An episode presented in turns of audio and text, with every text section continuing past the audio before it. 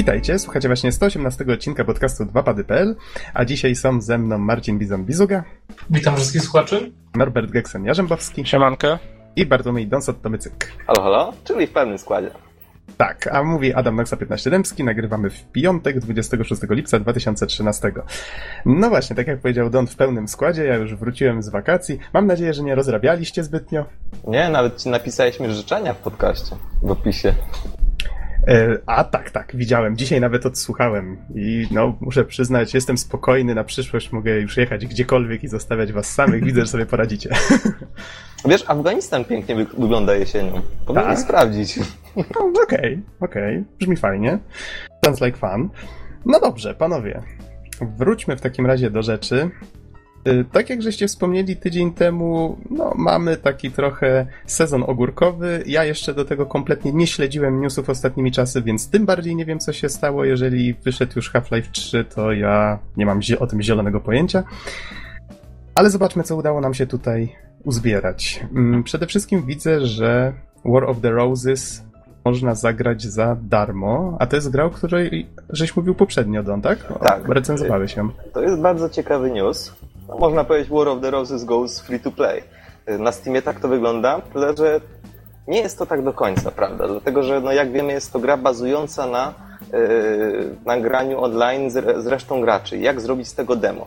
Twórcy wpadli na fajny pomysł, żeby udostępnić cztery podstawowe klasy, które za darmo, po prostu za darmo. Yy, To są podstawowe klasy, które, które mamy już przy samym początku gry. Tam jest i łucznik, y, i miecznik z tarczą, i miecznik z mieczem dwuręcznym, y, i wojownik z tym, no taką typową halabardą. Więc, więc te cztery klasy możemy wypróbować za darmo w dwóch trybach gry y, Team Deathmatch oraz Szturm.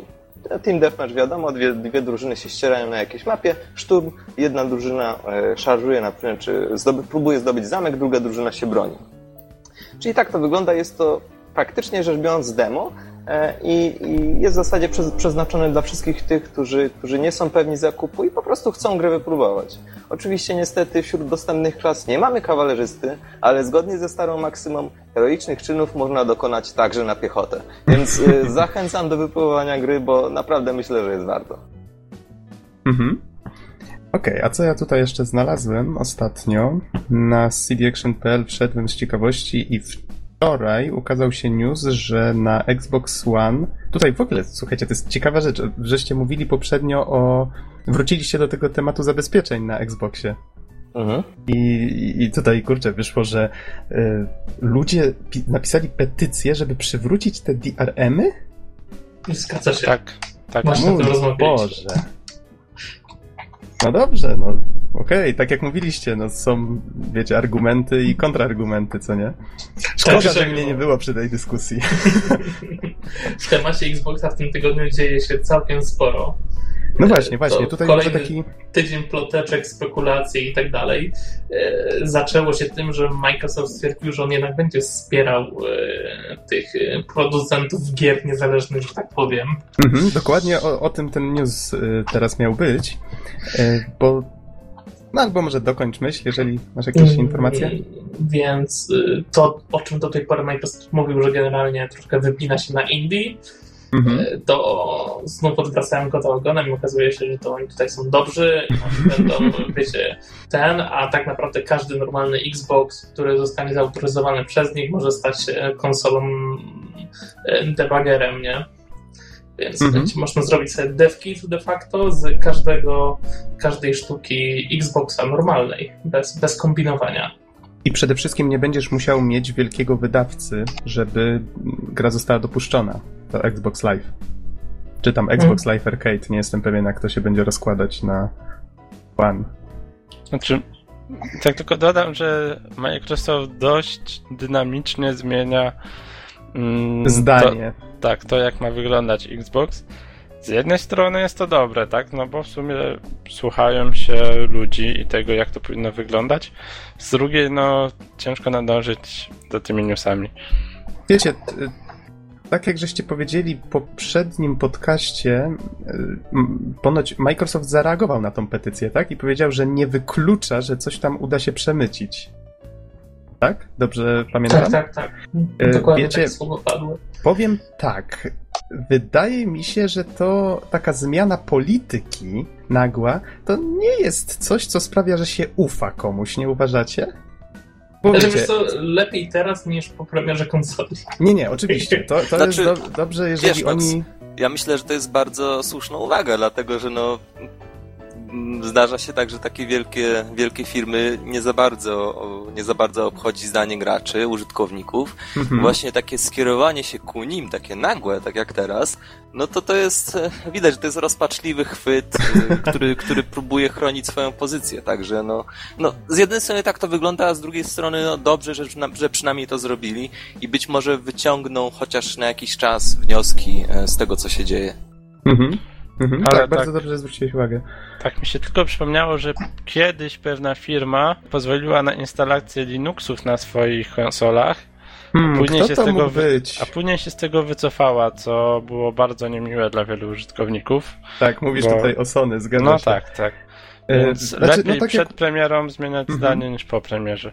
Tak, oczywiście zgadzam tak, się, zwracam to jest tutaj... niedopuszczalne, żeby potem coś kombinować. Niech oni sobie jeszcze teraz robią co chcą, ale jak -hmm. się już nas Wiecie, decydują, to niech się tego trzymają. Szczególnie, że mówiło się, mówiło się, że niektóre tam firmy, czy jakieś instytucje, czy to naukowe, czy, czy jeszcze inne, wykupywały te PlayStation tylko po to, żeby służyły jako klastry obliczeniowe na Linuxie, tak? W tym momencie -hmm. to robi cegła dla nich po prostu. No tak, tak. Faktycznie było o tym swojego czasu głośno. Znaczy wiesz, no, firmy no, no, po prostu nigdy w życiu nie zaktualizowały softu i tylko tak się skończyło. No tak, no ale wiesz. Jak, jak, już ktoś zrobił ten klaster i to działało, to na pewno nikt nie aktualizował softu, nie? Systemowego tego PlayStation. Ale to wiecie, tak reasumując, to nie jest fajne, jak ktoś ciągle zmienia zdanie, ale tak jak powiedział Don, fajnie, że Microsoft nagle stwierdził, że ok, będziemy robić tak, żeby ludzie byli zadowoleni, bo jakby na to nie patrzeć, ta konkurencja między Sony a Microsoftem tylko nam może wyjść na dobre, prawda? O, więc... Dobra, dobra, no, wracając tak. jeszcze do tego Indie. No właśnie, właśnie. Oprócz, oprócz tego, co już powiedzieliśmy, mhm. to jak zawsze pojawiły się spekulacje, że niby spoko, że będzie można tworzyć gry, ale że na... Słyszycie mnie? Teraz, Teraz tak. tak. Nie, nie wiem czemu powiedziałem, no, że, że, generalnie zakładają, że Microsoft nałoży jakieś ograniczenia, głównie jeżeli chodzi o dostęp do RAMu konsoli. Aha. I Microsoft już zdążył w tym tygodniu też zdementować e, tego typu plotki i oznajmił, że oni mają zamiar dawać e, twórcom indie jak największy dostęp do konsoli i nie będzie żadnych ograniczeń, mhm. jeżeli chodzi o wykorzystanie sprzętu. To ja tutaj mam drugi news właśnie, też właściwie taką plotkę, która potem została zdementowana, więc tak jak mówisz, dużo się dzieje i Microsoft stara się tym razem szybko reagować na to. Mianowicie plotka dotyczyła edycji Xbox One, które mają trafić do sklepów i mówiło się tutaj, że być może trafi też wersja tańsza, żeby właśnie tą cenę konkurencyjną PlayStation 4 tutaj troszeczkę dogonić i miałoby to być osiągnięte poprzez usunięcie Kinecta z zestawu, ale Microsoft tutaj bardzo dobrze, że szybko zareagował, że Kinect przecież tym razem ma być taką integralną częścią tej konsoli, bez, no, bez której właściwie ta konsola nie będzie jakby Xboxem One, prawda? Nie, to, to chyba, chyba akurat jest dobre posunięcie z tym, że ten in, Xbox jest integrowaną po prostu częścią konsoli, tak? Tak, tak. Dzięki oczywiście. temu wiadomo, jak to było z poprzednią generacją, gdzie nie wszystkie konsole na przykład miały dyski, tak? Jeżeli w wypadku Xboxów i potem były e, z tym związane pewne problemy. Mhm. Myślę, że, że lepiej dać więcej od samego początku i, i później, nie, żeby nie było takich dziwnych sytuacji, nie? Jak w przypadku 360, że nagle pojawiły się gry już teraz, które bez dysku, no, no to sorry bardzo, nie? No, teraz to sobie człowiek nie wyobraża w ogóle konsoli bez dysku. Jest... No ale no, by, było różnie, nie? Mhm. Z tą, integ... no, no, z tą integracją e, Kinecta będzie trochę jak z dodatkowym ekranem na Wii U, tak? Że owszem, coś takiego można zrobić na Xboxie powiedzmy poprzez Smart Glassa, ale jeżeli wszyscy tego nie mają w swojej konsoli, to mało który twórca będzie w to inwestował i, i coś z tym jakoś robił, tak? W jakimś większym zakresie. Mhm, dokładnie, Więc... to jest problem. Więc jeżeli każdy będzie miał Kinecta, możemy się spodziewać więcej takich fajnych bajerów na zasadzie, nie wiem, podnosimy tarczę, przepraszam, podnosimy pada, uruchamia nam się tarcza. Mhm. Podnosimy tarczę, uruchamia się pad. tak. E, słuchajcie, to w takim razie, skoro już jesteśmy w temacie konsol, płynne przejście, nasze ulubione. To dajcie mi zostać jeszcze przy tym Xboxie, bo to jeszcze nie koniec w tym tygodniu. No okej, okay, okej, okay, bo chciałem już do OI przejść. Oh, nie, nie, nie. Ale to za chwilę. Trzymamy, okay. trzymamy się Xboxa, ponieważ Dobra. E, Microsoft troszkę znów zmienia plany, jeżeli chodzi o premierę. I z 21 krajów, którzy zostały napowiedziane na początku, że będą miały premierę w tym roku Xboxa, liczba ta spadła już do 13. Czyli I nie ma w nich Polski. Odpadło 8 krajów kolejnych z tej Aha. listy, w tym na przykład Rosja. A Polska była poprzednio liczona, czy w ogóle nie, nie Polski, było nas? Polski nie było. Polski A, nie było na ten rok. To nie ma stresu. I, I teraz pojawiły się spekulacje, jakoby e, Xbox w Polsce miał pojawić się dopiero w czerwcu. Wola Boga, pół roku. Więc troszkę, troszkę poczekamy. Troszkę poczekamy. Zobaczymy, czy faktycznie tak będzie. Natomiast polski oddział Microsoft mówi, że, że, że boi się troszkę tej sytuacji, bo e, tak naprawdę mamy wzrost sprzedaży konsol i gier w naszym kraju, ale no, biorąc powiedział, że procentowo licząc, wiecie, względem innych, to jest to mało to, to nie dostaniemy tej konsoli i oni stwierdzili, że prawdopodobnie zaimportują na własną rękę jako oddział oficjalnie Microsoftu Aha. Xboxa wcześniej do Polski przed jego oficjalną premierą, żeby zapobiec jakby importu na własną rękę. Zobaczymy. No to brzmi, to brzmi fajnie, a z drugiej strony trochę dziwnie, bo dlaczego nie mogliby sami oficjalnie zadbać o dostarczenie tych egzemplarzy do Polski? Znaczy, nie, no teoretycznie Kurczę. Wiesz, bo, bo, to wymaga jeszcze uruchomienia usługi na Polskę. To jest największy problem. Nie można zrobić oficjalnej premiery, jeżeli nie będzie, wiesz, e, Aha, okay. 100% kompatybilności Xbox Live dla Polski i, i tak dalej, nie? Bo na razie to wszystko brzmi tak to strasznie... To jest pół... największy problem Aha, w tym momencie. Bo, bo to na razie wszystko brzmi tak strasznie półoficjalnie, sam przyznasz chyba. No tak brzmi, ale z drugiej strony wyobraź sobie teraz Xbox One, który ma e, być centrum multimedialnym do domu, który nie obsługuje, wiecie, żadnych polskich tam e, e, tych wszystkich rzeczy, które są dostępne na przykład w polskich już Smart TV, czyli na przykład nie będziesz mógł sobie obejrzeć VOD-Onetu ani TVN Player na tym Xboxie w Polsce, no to trochę do kitu, nie? Bo ta konsola teoretycznie ma tym stać częściowo. I to jest w sumie zabawne, bo jakby na to nie patrzeć, większość osób prawdopodobnie na początku i tak byłaby zainteresowana tylko tym, żeby na tym pograć. Tak, i te osoby właśnie będą to sprowadzać i oni wolą, e, że tak powiem, zbierać punkty na, na swoją korzyść, czyli że, że te konsole były kupione e, teoretycznie z oficjalnej dystrybucji. Ale mówię, że to sam Microsoft, znaczy polski oddział Microsoftu sprowadzi trochę tych konsol. Jedno. No, niby tak mówią, niby tak mówią, zobaczymy, może się okaże, że wcale nie będą mogli tego zrobić, tak? Oni mhm. pewnie też jeszcze za dużo tak naprawdę nie wiedzą. Może się okazać, że, że te konsole w Polsce na przykład jednak nie będą działać, nie? Myślę, że jest za wcześnie, żeby tutaj oznajmiać jakieś pewniki. Mamy zły prąd i złe powietrze, to na pewno nie będzie działać. No dobrze. Czy przechodzimy już do OUYA? Oh ja, oh yeah. chyba że chcesz przeskoczyć przez PlayStation 4, bo jest troszkę bliżej. E, a PlayStation 4 mam jakieś newsy na temat PlayStation 4? E, to tylko taka bardziej ciekawostka. Sony chwali się porównaniem PlayStation 4 wielkościowo z pierwszą generacją PS3. Aha. I co ciekawe, mimo że konsola wyglądała bardzo dużą, w porównaniu z PS3 jest sporo mniejsza. Nie, tak? co ty, nie wygląda wcale na większą. Od razu widać, Oj, że ja, ja powiem ci szczerze, obstawiałem, że jest naprawdę sporaźnym klocem. Dopiero to porównanie uświadomiło mi, że, że jest to troszkę mniejszy sprzęt od, od, od tej PS3. Widocznie zapomniałeś, jak wyglądała ta oryginalna PS3, bo to był dopiero kloc. No, ja mam oryginalną PS3. Aha, okej, okay, to, to zwracam honor.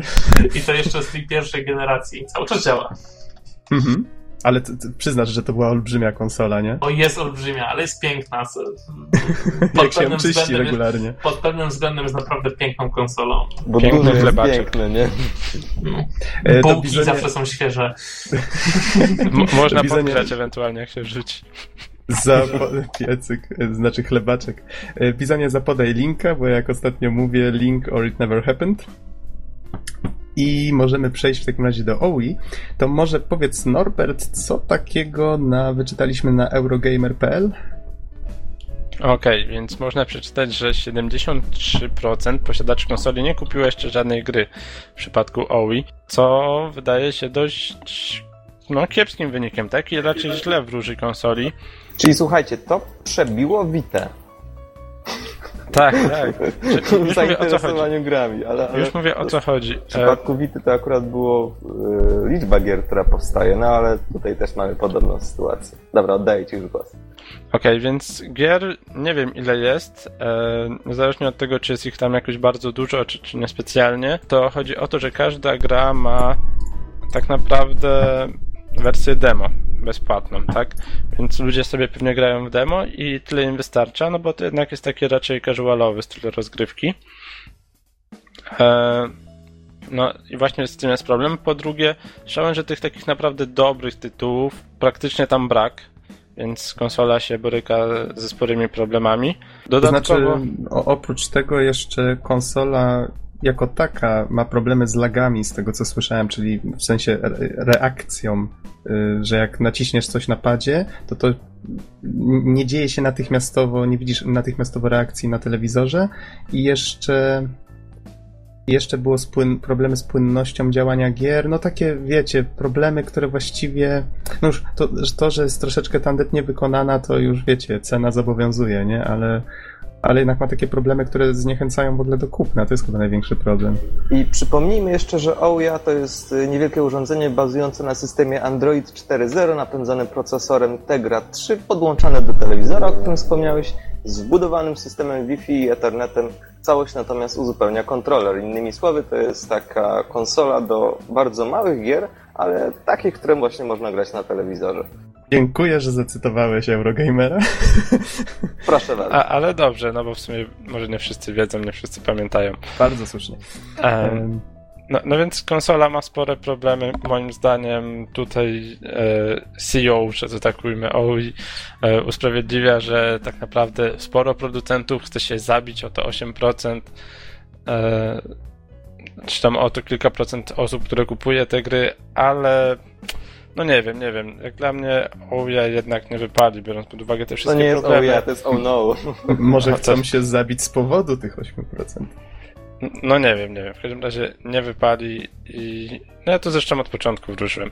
No, Ale możemy też poruszyć temat generalnie problemów z projektami na Kickstarterze, gdyż podobno coraz mniej osób inwestuje tam swoje pieniążki, no bo sporo projektów jest średnio udanych, albo jak w przypadku Double Fine, który ostatnio miał tam jakieś oni później mówili, że wcale nie chcą zbierać dodatkowej kasy, No ale... i nie, nie zbierają jej, nie zbierają jej.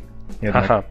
No No oni, od początku, oni od początku powiedzieli, że e, może, może tutaj przypomnę o co chodzi. Ten projekt, który rozbujał tak naprawdę finansowanie gier na Kickstarterze, czyli Double Fine Adventure, który teraz znamy jako Broken Age, bodajże, ta przygodówka, e, ona no, okazało się, że Double Fine zaprojektował, Tim Schafer zaprojektował jednak zbyt dużą grę i że nie będą w stanie jej skończyć za te pieniądze, które zebrali. No, a to była dość pokaźna suma. Ile tam było? 4 miliony? 3 4 miliony? miliony? Coś, Coś- takiego. Coś koło tego. E, No i zapowiedzieli, że ostatecznie, tak przynajmniej ostatnio czytałem, że gra ma zostać podzielona i że ma zostać najpierw wydana ta pierwsza część na Steamie jako taki e, wczes- wczesne wydanie, coś w tym rodzaju, tak jak teraz jest popularne to, że kupujecie na przykład wersję alfa czy beta i dopiero potem będzie ta oficjalna premiera, jakby to uzupełnienie, czyli jak kupicie grę wcześniej, to potem jakby ta reszta gry wam się dociągnie powiedzmy pół roku później, jak będzie gotowa. Tak, tak przynajmniej to miało wyglądać. W zasadzie ja teraz nie powiem niczego nowego. Moim zdaniem y, podeszli do projektu jak tacy właśnie młodzi, zapaleni amatorzy i zachowali się jak młodzi, napaleni amatorzy i to wcale nie jest dobrze, że tak się zachowali.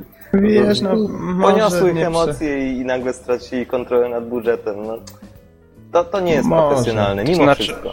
W związku w ogóle z tym całym zamieszaniem wokół Kickstartera pojawia się mm, no, dyskusja na temat wydawców, tak? Że jednak wydawca, mimo tego, że ma wpływ na produkt, tak, ogranicza często twórców, to jest takim slap in the face w wykonaniu rzeczywistości, tak? Czyli, że twórcy gier często się zapędzają, zapominając o budżecie, o tym, co jest wykonalne, tak, w czasie, i tak dalej, i tak dalej. No bo to chyba jest problem twórców, którzy nie mają wydawców, że jakby nie stoją twardo na ziemi. plaskaczem rzeczywistości. Tak. In your face. No dobrze, dobrze. Znaczy, wiecie, to można by długo dyskutować, czy to faktycznie jest e, e, ze strony Double Fine taki ruch amatorski, czy nie. No przyznaję, nie wygląda to dobrze, prawda? a z drugiej strony gra wygląda ślicznie, więc no, ja, ja tam nie mam serca ich krytykować, więc zobaczymy, co z tego Nie no wiesz, ja też trzymam za nich kciuki, ale, ale jednak mimo wszystko fajnie, gdyby, gdyby takich problemów unikali w przyszłości, bo Tak, to, to- to, są to- komplikacje. Mhm, zgadza się. E, Okej, to na czym żeśmy stanęli? Aha, na problemach na Kickstarterze. Czy w takim razie chcecie jakoś rozwinąć ten temat? Bo w sumie czas nas goni. Nie, nie, myślę, że wystarczy. Mhm, okej, to jeszcze z newsów, biz... znaczy newsów, to właściwie już nie newsy. E, Ja wrzucę pod podcast jeszcze zwiastun Prince of Persia The Shadow and the Flame, czyli ten remake drugiej części serii, tej takiej, licząc wszystkie, które wyszły. I właśnie ten remake ukazał się na, na platformach przenośnych, w sensie tabletach i, i innych tego typu rzeczach. Androidopodobnych. E, Z chęcią bym sobie w to zagrał, przyznam szczerze, bo nigdy nie grałem właśnie w oryginał. To jedna z nielicznych Prince of Persia, które, których nigdy nie miałem okazji zagrać. Mm, więc umieszczę zwiastun, bo mi się spodobał i, i właściwie tyle z filmików polecanych. Tak jak mówię, nie, nie śledziłem newsów ostatnio i myślę, że możemy przejść w takim razie do tematów głównych, ale jeszcze nim przejdziemy do recenzji, Bizonie, ty chciałeś się wypowiedzieć na temat serwisu Game Trade. Powiedz, co to takiego jest?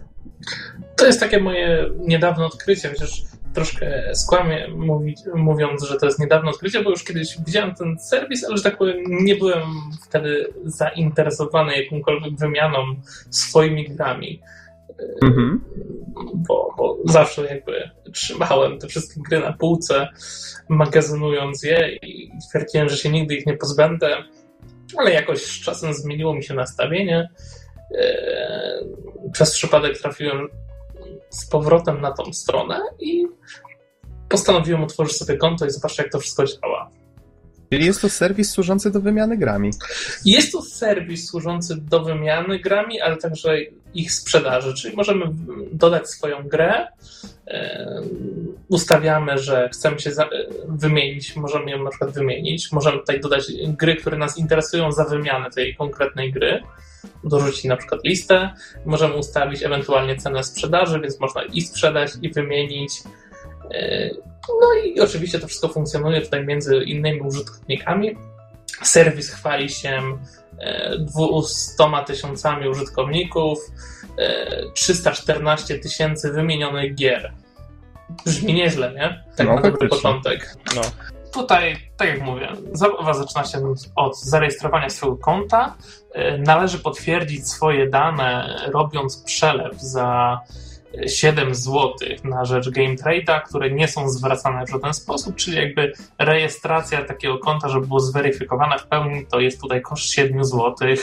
Czyli taki bezpiecznik, żeby przypadkiem ktoś sobie jaj nie robił, tak? Tak, Znaczy, to jest taki ja tak- bezpiecznik, który y, weryfikuje, że jakby twoje dane, które są podane tutaj, zgadzają się z danymi twojego konta, czyli no, prawdopodobnie mieszkasz tam, gdzie wpisałeś, nie? Mhm. Ja tylko dorzucę, że ja mam konto niezweryfikowane, a mimo wszystko e, no, kupiłem jedną rzecz na tym serwisie i Znaczy się tak, udało. ta tak. weryfikacja nie jest w żaden sposób y, potrzebna i konieczna. Y, Natomiast zweryfikowani użytkownicy są zaznaczeni takim zielonym ptaszkiem, więc Czyli łatwiej im zaufać. łatwiej im teoretycznie zaufać. No, Przy- Jeżeli mamy niezweryfikowane konto, to zawsze przy każdym użytkowniku właśnie pojawia się taka informacja, żeby zachować ostrożność. Mhm. Tak, tak. E, no, generalnie, jeżeli chcecie sprzedawać, myślę, że to jest ważniejsze, no bo jak ja kupowałem, no to, to nie miało dużego znaczenia. No okej, to w takim razie Bizonie, jakieś takie swoje wrażenia z korzystania z I teraz tak, y, gdy zweryfikujemy konto, dostajemy za darmo coś takiego na miesiąc, co się nazywa automatorem. Aha, Mówiąc szczerze, bez tego automatora y, serwis jest y, dużo mniej użyteczny. Już mówię dlaczego. Automator jest takim narzędziem na stronie, które automatycznie wyszukuje osoby, które są zainteresowane Twoją konkretną grą. Czyli na przykład dodajemy sobie do listy jakąś grę, tak? Na Xboxa nazwijmy ją grą X. mhm. W momencie jej dodania klikamy sobie w zakładce Automator, yy, znajdź proponowane wymiany i dostajemy automatycznie pełną listę gier, za które użytkownicy chcą się wymienić za tą pozycję, którą my proponujemy. I fajnie. Jest to sensowne rozwiązanie. Zostawmy na ten moment, że to jest sensowne rozwiązanie, potem wrócę, dlaczego wcale tak dobrze nie jest. Aha, okay, dlaczego okay. tak wcale dobrze nie jest. Automator poza tym jest płatny, ale kosztuje tam przy najkrótszym chyba wykupie, czyli na jakieś dwa miesiące, 5 zł za miesiąc, przy jakichś dłuższych abonamentach to ta cena się jeszcze bardziej zmniejsza, więc nie jest to tam żaden wydatek. Tym bardziej, że należy pamiętać, że przy wszystkich transakcjach, wymianach, jakby tutaj ten serwis GameTrade nie zarabia na nas, więc wymiany są całkowicie darmowe między użytkownikami. Wymiana gry kosztuje cię tyle, co pójście na pocztę i wysłanie paczki.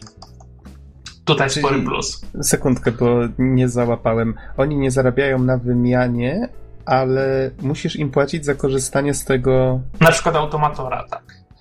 To Wiem znaczy- natomiast, że mają jakąś prowizję od sprzedaży, ale mm, powiem szczerze, nie doczytałem nigdzie, ile to wynosi, ale to też na pewno nie są żadne tutaj duże kwoty. Mm, Generalnie serwis jest nastawiony na zarabianie na tym automatorze na ten moment. Oraz A czy da się na korzystać z niego- promowaniu jakby, bo wśród listy gier są promowane, y, wiecie, e, produkty, które pochodzą z różnych sklepów internetowych. Myślę, że tutaj generalnie leży kasa w tym serwisie. Mhm, Okej. Y, Mówiłeś o tym automatorze, że musisz za niego płacić, ale w takim razie, czy da się korzystać z tego serwisu bez tego automatora, czy nie ma to sensu? Da się, da się korzystać e, bez automatora, ale myślę, że to jest mm, spore utrudnienie. Przede wszystkim no jest tak, taki zwykły katalog gier, tak, gdzie możemy Aha. sobie przejrzeć e, tytuły, albo wpisujemy w wyszukiwarkę po prostu grę, która nas interesuje i próbujemy się zamienić z użytkownikami. Ewentualnie mm, przy, przy każdej grze jest też coś takiego, że możesz wyświetlić osoby, które szukają tego tytułu i wtedy możesz sobie poprzeglądać też ich propozycje, tylko to wszystko po prostu staje się nagle utrudnione, tak? Jest dużo więcej klikania, e, przeglądania i tak dalej, niż to jest warte. Okej. I teraz tak, no, możemy jakby jedną grę zaproponować nieskończonej ilości użytkowników. Tutaj nie ma żadnych przeciwwskazań. Pierwsza osoba, która zaakceptuje jakby tą transakcję, to blokuje wszystkie inne, tak, nasze propozycje. Więc teoretycznie to jest inteligentnie zrobione. Bardzo fajnym rozwiązaniem jest to, że jeżeli na przykład dodajemy, że mamy jakąś grę, to ona automatycznie trafia też na listę e, gier, których nie chcemy, co powoduje, że jakby ta gra już nie jest więcej pokazywana w, propozycjach wymiany, tak? Czyli jeżeli już wystawimy, nie wiem, e, jakąś tam grę X, to ta gra X już nigdy nie będzie nam proponowana, tak? Jako coś, co możemy dostać od kogoś. Jest to fajne rozwiązanie. Możemy też do tej listy e, w trakcie przeglądania serwisu dodawać kolejne gry. Więc ja w tym momencie już mam prawie 350 gier, które mnie nie interesują, po prostu dodane, żeby sobie nie zaśmiecać przeglą- przeglądania tego portalu. Mhm. To, to jest fajne pod tym względem. I oprócz tego, tak jak mówiłem, jest lista gier, których szukamy. I No tutaj dzięki temu użytkownicy mogą nam składać oferty jakby na wymianę. No tak jak mówię, wszystko niby kolorowo, fajnie. Yy, udało mi się w ciągu tygodnia co prawda zrobić cztery zamiany, ale, ale tak naprawdę moim zdaniem właśnie serwis cierpi przez użytkowników. Temu. Użytkowników, którzy wystawiają swoje tytuły, a później zwyczajnie nie zaglądają tam, nie, nie odklikują ofert w żaden sposób. W ten sposób wysyłając nawet, nie wiem, 100 ofert powiedzmy, to w ciągu tygodnia dostajemy na przykład trzy odpowiedzi. Bo, bo ludzie po prostu jakby zapominają o tym chyba, co wstawili i to przez to traci troszkę sens. Traci troszkę sens i, i bardzo mnie irytuje, powiem szczerze, no bo jeżeli ktoś proponuje wymianę tego za to, prawda, no to obstawiam, że, że chciałby to załatwić w miarę szybko. Natomiast absolutnie to tak nie działa. Trzeba się nastawić na to, że czasem trzeba będzie czekać nawet kilka tygodni, aż ktoś stwier- stwierdzi, że czy mu się jakby ta wymiana podoba, czy nie. To, to moim zdaniem nie do końca tak powinno funkcjonować. No tak, to nie brzmi zbyt dobrze. Tak, no bo dzień, przez to wysyłamy na przykład kilkadziesiąt zapytań i nie dostajemy żadnej odpowiedzi, nie? I ma, Mhm. ma się takie wrażenie nieefektywnego korzystania z tej platformy przez to. Okej, Bizonie, a jakoś tak podsumowując, żeby już nie trzymać się zbyt długo jednego tematu. Czy polecasz korzystanie z tego serwisu jednak, czy nie? Znaczy to to jest fajny serwis. Nie można nic poza tym, co powiedziałem, zarzucić. Znaczy, jeszcze jedna rzecz, która Aha. mnie drażni y, i o której muszę wspomnieć. Nie podoba mi się coś takiego, że może to jest moje błędne zdanie, że użytkownicy mogą zaznaczyć, że chcą wymienić tą grę za taką, taką, taką, taką grę. I często jakby bardzo duża część użytkownika zaznacza bardzo dużą ilość tytułów, za które chcą się wymienić. No i składasz im taką ofertę, tak? I oni ją odrzucają. Więc pytanie jest, jaki to ma sens? Moim zdaniem serwis powinien być skonstruowany właśnie w ten sposób, że jeżeli ktoś uzna, że chce się wymienić za tą grę, to żeby było to wiążące. Aha. Niezbyt mi się to podoba, tak? No bo później dochodzi do dziwnej sytuacji, ktoś ci napisze, a nie, bo ta gra ma inną wartość niż, to, niż ta, tak? No, no dobra, no spoko, no to po co powiedziałeś, że chcesz się za to zamienić, tak? No tak, to nie Może wtedy był inny układ planet. No nie, to mi się nie podoba. Wolałbym, żeby e, system jakby zmuszał użytkowników do podejmowania bardziej racjonalnych tutaj decyzji. Dzięki temu, jeżeli bym wiedział, że ktoś chce się zamienić za tą grę na tą grę i po kliknięciu, to żeby praktycznie była już w tym momencie zawiązywana transakcja. Dzięki temu nie, nie musielibyśmy przegrzebywać się przez, przez y, dziesiątki propozycji, które i tak nie przejdą, tak? Mhm. To, to jest spory minus, moim zdaniem. Ale mimo wszystko, polecam zarejestrować się, popróbować swoich sił. Może uda Wam się z, y, wymienić kilka zalegających na półce y, gier na, na jakieś inne pozycje, w które nie graliście. Oferta jest obszerna i trzeba tutaj zaznaczyć, że znajdziemy tutaj często gry, które są niedostępne nigdzie indziej w Polsce już których się po prostu nie da kupić. Wiecie, jakieś tam pojedyncze sztuki, które po prostu tutaj podróżują między graczami, których nawet nie wyszukacie na Allegro, nie? A to ciekawe. Tu no, jakby baza dzięki tej ilości użytkowników jest dość spora. Pytanie, czy, czy ci użytkownicy odpowiedzą wam na wasze zapytanie a propos wymiany. Ale, ale pamiętajcie, że jest jeszcze opcja kupna i wtedy jakby yy, powinno pójść to troszkę szybciej. Mhm. No tak tylko dodam, że właśnie tam zdobyłem e, pewną grę na 3DS-a Tales of the Abyss, o, która na Allegro nie była prawie nigdzie dostępna, ewentualnie sprowadzenie z Anglii z jakimś tam wysokim kosztem wysyłki i wysoką ceną samej gry. No i tak naprawdę z jakąś połowę ceny, nówka sztuka, tak? Dzięki Game Trade'owi. Tak, mhm. ceny, ceny naprawdę są mocno pozaniżane na tytuły. To można sporo, sporo, no, głównie staroci, no wiadomo, nowsze gry kosztują, tak? Ale naprawdę wyrwać za od 20 do 40 zł to jest właściwie pełen przegląd jakichś tam starszych gier, tak? Nawet na konsolę. No dobrze, panowie. Myślę, że czas skończyć w takim razie ten temat, bo mamy jeszcze trzy recenzje. Uch, ciekaw jestem, czy się uwiniemy w czasie, no ale zobaczymy. Bizonie, czy chcesz zacząć od swojej gry? No jak już się rozgadałem, to mogę mówić. Moja okay. gra. Ja się aż tak bardzo do niej nie przyznaję. Już ją wystawiłem. Jak ktoś chce na Game Trade, to mój użytkownik e, Bizon e, chętnie się wymienię. Ale kryptoreklama? No dobrze. To ja może w takim razie powiem, że chodzi o grę, która się nazywa The Chronicles of Narnia Prince Caspian. Jaka cudowna nazwa. Przyznam szczerze, że ja nie czytałem książek, nie oglądałem filmów, ani tych starych, ani tych nowych, bo tutaj przed podcastem się okazało, że były stare, Don twierdzi, tak? Oczywiście. Y, sama gra, z tego co widzę, wyszła na wszystko. O mój Boże, ciocia Wikipedia twierdzi, że na Xboxa 360, PS2, PS3, Wii, Nintendo DS i na PC i miała swoją premierę 15 maja 2008, czyli nie jest wcale taka nowa. I ma single i multi. O, to już będziemy wiedzieli o co pytać. Naprawdę nie pytajcie się, w jaki sposób takie tytuły trafiają do mnie. W jaki sposób takie tytuły trafiają do ciebie? Czasem, czasem naprawdę sam się zastanawiam, skąd ja mam coś takiego na półce. Ale to jest właśnie wina tych wszystkich wyprzedaży, promocji i, i gier po 30 zł, że, że potem coś takiego leży na półce i Nie no, pisanie. kurde. Spoko, ja, ja tu wiesz, ja niczego przecież nie krytykuję, przecież każda gra może być fajna, baśnie i inne tego typu rzeczy też nie, nie są nie, przecież niczym Pamiętam, że ta gra pochodzi z, z, z serii promocji na na sklepie Ultima. Oni jeszcze w tym roku już niestety czegoś takiego nie widziałem. Mieli fajne promocje, że można było mm, kupić e, trzy gry po 33 zł, więc mhm. generalnie było tak, że było, wiecie, z, dwa fajne, z dwie fajne edycje i trzeba było sobie coś dorzucić jeszcze do tego koszyka, żeby e, żeby, żeby promocja mogła zaistnieć i tak właśnie te, te takie niektóre pozycje u mnie lądowały.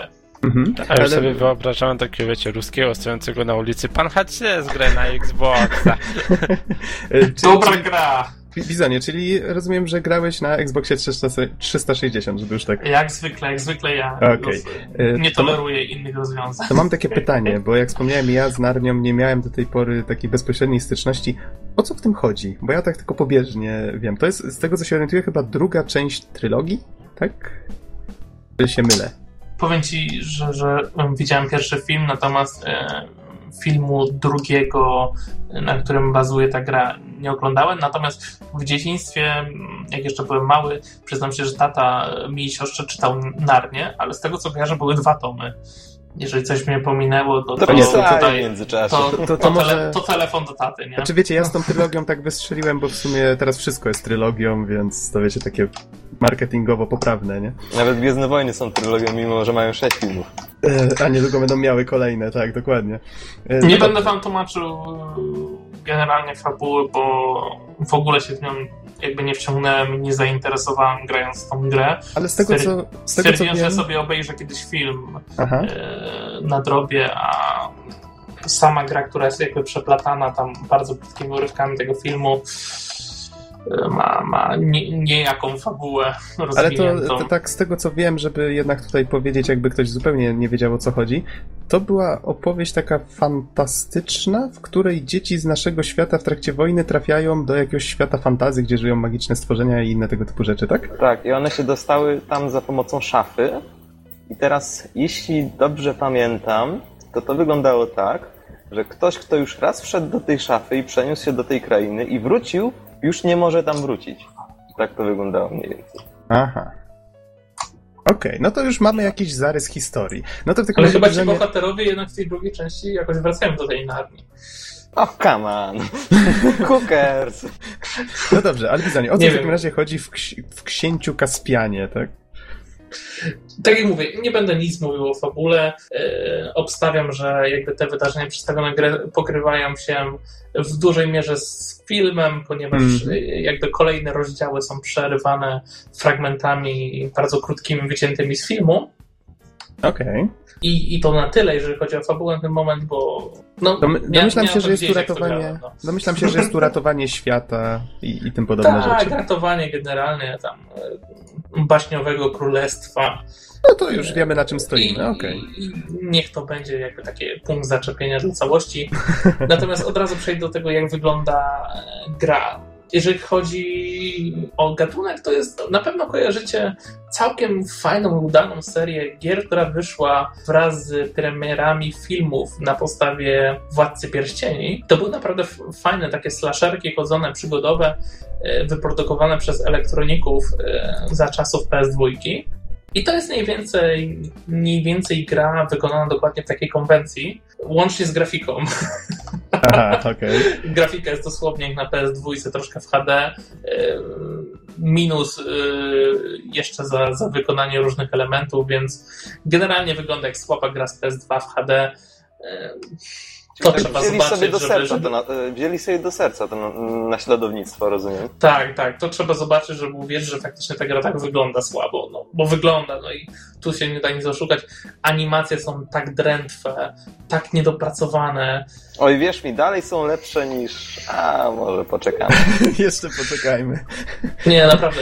Animacje są tragiczne na przykład, to jest scena, której nie zapomnę. Wyobraźcie sobie, Krasnal ma podnieść kamień, nie? Tak go wybić, jakby e, podpierając go. I nagle wie, postać sobie idzie prosto, nagle zawisła w powietrzu tak po skosie, jakby e, chciał udawać, że to on podłożył nogi pod ten kamień. Tak wisi chwilę w powietrzu i ten kamień wyskakuje. I to, to jest animacja. Seems legit. Still better. Nie, nie, nie, nie, wiem, jak coś takiego przeszło. A jeszcze, że było śmieszniej, na przykład y, w drugiej krainie są niedźwiedzie, nie? I jest animacja, jak jest łapany niedźwiedź w siatkę. Tylko ta animacja już nie jest na silniku gry. Znaczy, to jest prerenderowany filmik niby na silniku gry. Aha. Śmieszność polega na tym, że tych niedźwiedzi jest tam całkiem sporo i za każdym razem, gdy ten niedźwiedź wpada w pułapkę, odpala się ta sama animacja, jakby w tej samej lokacji już wyrenderowana wcześniej. Znaczy, w sensie zawsze identyczny, tak? Filmik. Bardzo Tak. oszczędne podejście. Ba, do ba, tworzenia. bardzo oszczędne podejście, czegoś takiego, że powiem wam, że szczerze nie widziałem. Dlaczego nie mogli po prostu zanimować tego, jak ten niedźwiedź się łapie? Nie, nie ma takiej opcji, odpalać ten sam filmik w kółko. Wow, naprawdę uproszczenia są kosmiczne. Yy, No animacje dobrze, aż, aż bawią. A, ale I generalnie tutaj, techniczne wykonanie po prostu leży. wspomniałeś tutaj o, o slasherkach, o porównaniu, porównałeś to z tymi slasherkami z Władcy Pierścieni i powiedziałeś, że można na przykład te, te niedźwiedzie łapać, czyli jest tu jakaś różnorodność tego gameplayu? Nie, nie, nie, te niedźwiedzie łapią się same. Aha, nie, to okej, to, to zapomnij. One idą za nami, gdzieś tam leży pułapka i po prostu to jest wszystko, nie? I one Aha. wpadają w tą pułapkę, po prostu to jest oskryptowane. Tutaj jakby Czyli gra Mhm. nadal polega tylko na chodzeniu i siekaniu. Czy Gra polega na. Tak, znaczy w 95% gra po, polega na chodzeniu i siekaniu, w 5% polega na rozwiązywaniu zagadek, które polegają na tym, żeby przenieść jakiś element w inne miejsce. Mm, mm. I to jeszcze wszystkie elementy są zaznaczone na mapie, więc raczej za dużo się nie pozastanawiasz, co No tutaj dobrze. zrobić. A, a powiedz, co się, co, co sieczemy? Sieczemy żołnierzy w zbrojach. To, Okej. to, to takie bardzo Donowi by się spodobało. Bardzo ładne, bardzo ładne uzbrojenie, wygląda na historyczne. Jak nie ma dwóch róż, to wypad. E, Walka jest taka dwuprzyciskowa, jakby. e, Z tym, że nie ma tutaj jakiejś większej różnicy, które ciosy i kiedy wyprowadzamy. Absolutnie. Możemy Mhm. się blokować, lecz ten blok jest niepotrzebny. Więc można go olać poza walkami z bossami, które są tak po prostu zaplanowane, że trzeba wykorzystać blok, bo inaczej dalej nie pójdziemy. Okej. I niektóre postacie, bo tutaj występuje cała gama postaci jakby z filmu, między którymi możemy się przełączać, e, mają jeszcze dodatkowe skill, na przykład mają łuk, z którego można strzelać, albo mają linę z takim harpunem, żeby można było się wspiąć gdzieś wyżej, po prostu w odpowiednie miejsce naciskamy A i tam kręcimy kółko e, sobie gałką i on rzuca tą linę, zaczepia się, możemy gdzieś tam wejść. Czyli jakieś takie elementy action adventure też tam są. Mało action w tym. Okej. Jest to bardzo, bardzo, e, bardzo słabo wykonane, więc A czuć trochę to adventure? nie, no kurczę, nie. Okej. Cała gra podzielona jest na sześć rozdziałów. Jakby każdy rozdział rozpoczynamy w takim pomieszczeniu, z którego dostajemy się do odpowiednich leveli w tym, w tym jakby rozdziale. Później kończymy ten level, jesteśmy z powrotem wrzucani do takiego tego pomieszczenia, szukamy sobie innej planszy jakby e, zamkniętej w tej lokalizacji, no i, i tak do przodu cały czas, robiąc właściwie to samo, czyli tam siekając, przechodząc, e, przenosząc dźwignię, pociągając dźwignię i tak dalej, i tak dalej. Czasem potrzebna jest zmiana postaci na inną, żeby móc się gdzieś dostać, bo są jeszcze krasnale, o których zapomniałem, które potrafią przechodzić przez małe drzwiczki. Jakie to typowe. Okej. E, A powiedz, ile czasu się robi to samo? I ile czasu zajmuje przejście tej gry? To znaczy. To nie jest długa produkcja. Takie przelecenie jej to jest około 6-7 godzinek. No to tak, jak na dzisiejsze czasy, tak zacnie, no. Może być. Ale no, to jest taka bardziej mozolna praca niż przyjemność. Wszystko, e, wszystko Okej. przejść, bo Rozumiem. facto nie ma tutaj jakiegoś takiego fanu gameplayowego, bo ta ani walka nie jest przyjemna, ani eksploracja nie jest przyjemna. Do tego kują nas te wszystkie animacje. No, generalnie totalnie poniżej przeciętnej. I tutaj te, tej, ta gra nie ma mocnych elementów. Tutaj nic nie ratuje całości, żeby, żeby, żeby powiedzieć, ej, to było naprawdę dobre w tej grze. No, sorry. Nie, nie, nie, znajdziecie czegoś takiego, tak? Żeby powiedzieć, że to faktycznie było dobre. Aha. A nie orientujesz się może, czy. No bo tutaj widzę, że mamy no, mamy styczność z grą, która była po prostu zrobiona po to, żeby trochę sobie dorobić na premierze filmu, ale nie wiem, czy pamiętacie, w przypadku chociażby Harry'ego Pottera było tak, że na różne platformy wychodziły różne gry pod tym samym tytułem. Tam w sensie Harry Potter, powiedzmy, wiecie, Czara Ognia i tam powiedzmy, no może to był zły przykład, bodajże dwójka miała zupełnie różne gry na powiedzmy starą generację, nową generację i jeszcze na konsole przenośne była jeszcze zupełnie inna. Nie orientujesz się, czy tutaj też była taka rozbieżność? Nie, absolutnie, absolutnie. E, nic mi o tym nie wiadomo. Mm. Ewe ewentualnie można obstawiać, że faktycznie na DS-ie może to wyglądać inaczej, tak? Bo to tam zazwyczaj no, te, te, przeniesienia nie, no tak, są tak, różne.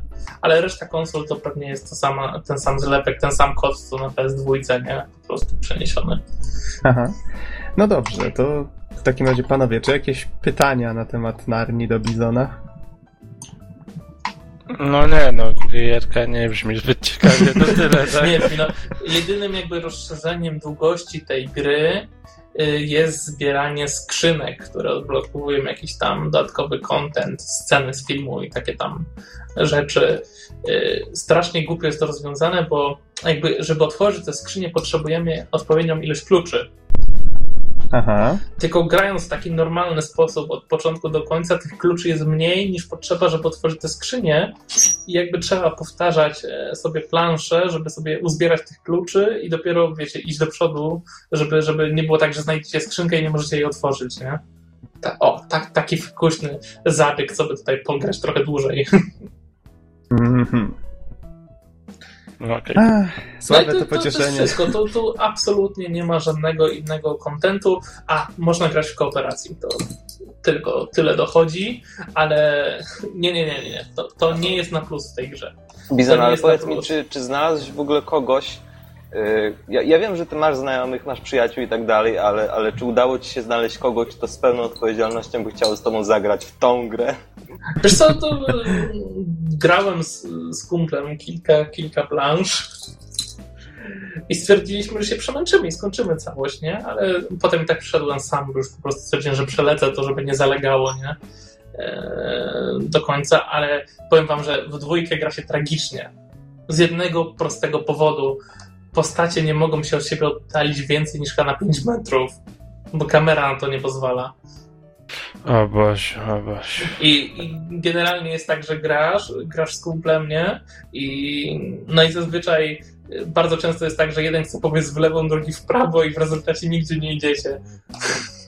Tak, to ja, ja już sobie to wyobrażam. Zanim sobie... się zorientujesz, że ten drugi pobiegł w drugą stronę, to już się blokujecie, nie? Bo, bo, bo już kamera was zablokowała. To no myślę, dobrze, że to, to, wyglądało mniej więcej tak, że Bizon właśnie gra ze swoim kolegą, tym kolegą i słuchaj, do toalety chciałbym, gdzie to? A to właśnie tam po prawej. No dobra, no to wychodzi, tak nie wraca pół godziny. się okazało, że w toalecie tam bardzo wysoko przy suficie jest takie małe okienko. Muszę mieć dużą motywację. To... Okej. Okay. To chodzenie i, i to ograniczenie, wiecie, że jeden nie, nie może pójść tam, jeżeli drugi mu nie pozwoli. Przypomniało mi się, jak w królikach, któryś na Wii był taki papier toaletowy, który wystawał tym królikom z wiadomego miejsca. Wszystkie były połączone rolką w ten sposób jakby gra się z tym radziła, tylko tam to było logiczne, że te króliki po prostu miały Ale to był niezły fan, bo żeśmy się przepychali i nie wiedzieliśmy no, no. no jak właśnie, grupą ale... w ogóle wejść po schodach. A, ale to było właśnie fajne, no bo był ten papier toaletowy, który to jakby wiesz uzasadniał, czyli, tak? Czyli dla twórców Narni tutaj dobra rada, tej grze tak. brakuje papieru toaletowego. Za mało papieru toaletowego. Za mało papieru. Żadnego kontentu więcej, nic, co by jakby ratowało tą produkcję. No dobrze. Kurde, no, jak chcecie, możecie przelecieć ją na szybko, ale że kupować specjalnie. To zabrzmiało trochę źle, ale okej. Okay. Abs absolutnie, absolutnie odradzam strata waszego czasu. Dziękuję. Przyjęliśmy do wiadomości. W takim razie lecimy do następnej recenzji, bo nas czas goni. Kurczę, wychodzi na to, że będę recenzował najlepszą grę chyba w tym odcinku podcastu. A i tak nie, nie jest moja ona... jest najlepsza, naprawdę. Tak? No nie wiem, moja i tak nie jest za, za cudowna. W każdym razie, Będę mówił o The Starship Damray. Mam nadzieję, że tro- uwinę się troszeczkę szybciej, bo jak mówię, czas nas goni. Gra... A jeszcze tego chciałem powiedzieć, że ta, ta, ta gra, y, którą teraz recenzuję, będzie jakby początkiem teraz takiej małej serii gier opartych właśnie na licencjach filmowych, które w najbliższym czasie będę recenzował. W przyszłym tygodniu możecie się spodziewać czegoś dużo nowszego. Premiera zeszłego tygodnia. Śmiejcie się, jeśli chcecie. Smurfy 2 nadchodzą. Bizon high five. Oj tam, od razu śmiejcie się. Jesteśmy strasznie poważni, no. Wstawicie okay. tam taką straszną muzykę. Smurfy 2 nadchodzą. Uwaga, Gargamel się zbliża. Uciekajcie, Smurfy. Cudowny początek mojej recenzji. O mój Boże, a to jest survival horror. Okej, okay, Starship Damray. to gra, która próbuje być survival horrorem. Dobra, powaga. W kontekście bo... tych smurfów to... tak, no, no właśnie, nie, nie, mogę znaleźć tutaj punktu zaczepienia przez was. Nieważne. E... Gra jest ekskluzywem na Nintendo 3DS. E, można ją kupić tylko za pośrednictwem e-shopu, czyli tylko w cyfrowej dystrybucji. I nie wiem, czy pamiętacie, jak e, kiedyś recenzowałem Crimes on Shroud. Taki tak, tak. ten papier, próbujący naśladować papierowe RPG. E, I to była gra wchodząca w skład paczki, która w Japonii nazywała się bodajże Guild 01 i to były cztery gry, z czego trzy ukazały się też na zachodzie i one już nie były jakby zestawem, tylko były sprzedawane osobno. To było Liberation Maiden, Aeroporter i właśnie Crimes on Shroud. I teraz y, wyszła kolejna część tej paczki, Guild 02 i tym razem zawierała tylko trzy gry, już wszystkie z nich są na e-shopie i to jest Attack of the Friday Monsters, które jakoś całkiem niedawno się pojawiło, Bugs vs. Tanks, i właśnie The Starship Damray, które pojawiło się chyba jako pierwsze e, u nas i to było 16 maja 2013. No, w Japonii miało premierę 27 marca. I to jest gra, która zainteresowała mnie. E, właściwie obejrzałem filmik, który ją reklamował. Tam twórcy, tutaj będę się posiłkował Wikipedią, Kazuya Asano i Takemaru Abiko, e, którzy ponoć są znani jako, w Japonii jako pionierzy przygodówek tekstowych. No więc tutaj można było się nastawiać na jakąś taką głębszą fabułę, chociaż no, no okazuje się, że jednak nie, nie, za bardzo w przypadku tej gry. E, I oni opowiadali o tym, że chcieli stworzyć grę, w której nie ma żadnych tutoriali, nie ma żadnych podpowiedzi, musisz sobie radzić sam. I jeszcze jak do tego dodali, że to jest taki survival horror, to no, poczułem się zainteresowany. Nie spodziewałem się oczywiście żadnych e, graficznych fajerwerków. No, już można było po zwiastunie zobaczyć, że to jednak nie ta liga, ale, ale liczyłem na to, że będzie klimat i, i że faktycznie to uczenie się samemu, jakby domyślanie się, co trzeba zrobić, będzie tutaj jakoś fajnie wykorzystane. Yy, niestety gra tylko w prologu faktycznie wykorzystuje ten pomysł uczenia się. To budzimy się w w komorze służącej do zimnego snu, tak zwanego, czyli hibernacji. No i komputer pokładowy informuje nas takim mało sympatycznym kobiecym głosem, że prawdopodobnie no, w wyniku właśnie tego, tej hibernacji cierpimy na amnezję. No więc. E, I mroczny no i... obłęd? I nie możemy się wydostać z tej kapsuły. Coś tam się stało takiego, że, że nie możemy jej otworzyć. I no, tutaj musimy sobie jakoś poradzić na zasadzie, że naciskamy tutaj na dolnym ekranie różne elementy tej kapsuły, staramy się domyślić, co zrobić, jakoś udaje nam się odpalić komputer, no i musimy zrestartować system operacyjny statku. No to właściwie jest taka najtrudniejsza rzecz do zrobienia, do domyślenia się samemu. Tam trzeba, wiecie, jakoś tam coś wpisać, coś nacisnąć, trzeba pokombinować, tam jakieś takie pseudo-informatyczne rzeczy do wpisania tam komputer nam daje, no i w końcu jak nam się uda to wszystko zrestartować, to się okazuje, że gdzieś tam na statku są drony. Jakieś takie małe robociki służące do wykonywania prostych prac i że możemy nimi zdolnie, zdalnie sterować. Okazuje się, że tylko jednym tak naprawdę jesteśmy w stanie pokierować, tylko jeden jest sprawny. No i właściwie cała reszta gry już po tym takim, nazwijmy to prologu, polega na tym, że poruszamy się po tym statku, który jest no oczywiście ciemny, mroczny, nie wiadomo co tam się stało, a my siedzimy zamknięci w tej, e, w tej kapsule, więc to jest fajny motyw, chyba sami przyznacie. Właśnie wiesz, widzę na gameplayu jak to wygląda. Na Aha. dolnym ekraniku mamy widok właśnie postaci, która leży, widzimy ciało leżącego w tej komorze, a na górnym ekraniku faktycznie jest, jest widok z tego drona, którego możemy kontrolować. Tak, Także, no, się. Wygląda to bardzo ciekawie. Pomysł jest super. Myślałem, że będzie wykorzystany dużo lepiej, ale niestety no, czuć tu niewykorzystany potencjał. Ale w każdym razie skupmy się na tym, co w grze jest. Poruszamy się tym dronem na takiej prostej zasadzie, że możemy się poruszać do przodu, do tyłu, możemy się obracać lewo-prawo. To nam pozwala, e, to- właściwie twórcom pozwoliło na taki fajny, fajny manewr, mianowicie nie dość, że ciemność nie pozwala nam nigdy widzieć zbyt daleko, no i tutaj akurat faktycznie widzimy coś dopiero w takiej mo- mocnej ciemności, jak się mocno zbliżymy. Tam ten robocik ma jakieś lampki. E, ale jeszcze fajniejsze jest to, że on właśnie obraca się o to 90 stopni. Więc jeżeli wyjedziemy za róg, to nigdy nie wiemy, co na przykład stoi po lewej, czy, czy co się dzieje po lewej, dopiero musimy się obrócić. I to sprawia, że wiecie, że nie ma wyglądania z za rogu, jak w FPS-ach czy innych tego typu rzeczy. Tutaj właściwie bardzo łatwo nas czymś zaskoczyć. I no dość szybko okazuje się, co zresztą widać na zwiastunie, że e, posłużono się tutaj małą dziewczynką, bo jak wszyscy wiemy, małe dziewczynki są strasznie creepy, więc jak są w horrorach, to są strasznie straszne, nie? Tylko, że tutaj nie mamy azjatyckiej z długimi czarnymi włosami, tylko jakaś taka biała dziewczynka mm, w słomkowym kapeluszu. I ona grasuje po statku i właśnie o co tutaj właściwie chodzi, co nie? Znajdujemy członków załogi, oczywiście obowiązkowo martwych, y, zabieramy im karty dostępu do różnych drzwi, szukamy różnych przedmiotów. Ogólnie gameplay tak przypomina takie, takie starsze survival horrory na tej zasadzie, że jest takim połączeniem horroru z przygodówką, czyli musimy znaleźć jakiś przedmiot, gdzieś go postawić, wykorzystać w jakimś innym miejscu. Mm.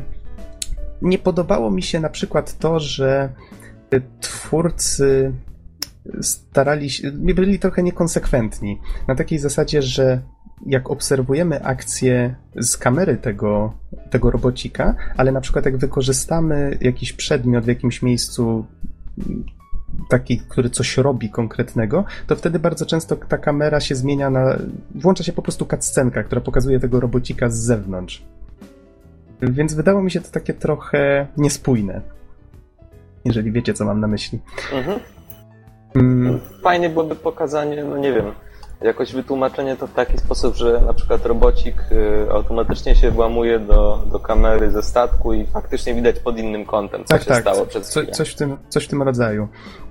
No tak, to oczywiście mamy tutaj klaustrofobiczny klimat, no bo te pomieszczenia są strasznie ciasne, mamy ten mrok i właśnie ograniczony ruch, widoczność, to jest coś, co mi się początkowo strasznie podobało. E, Mamy tą tajemnicę, czyli co to za dziewczynka, dlaczego tutaj wszyscy nie żyją i tak dalej, więc teoretycznie wszystkie takie podstawowe rzeczy, które pozwoliłyby temu być całkiem znośnym survivalem, no są tu na miejscu. E, Mamy tutaj jeszcze tam jakieś takie, wiecie, zbieranie znajdziek. Tutaj akurat są to kosmiczne pijawki, które musimy uśmiercać. Tam jest ich 20 na całym statku.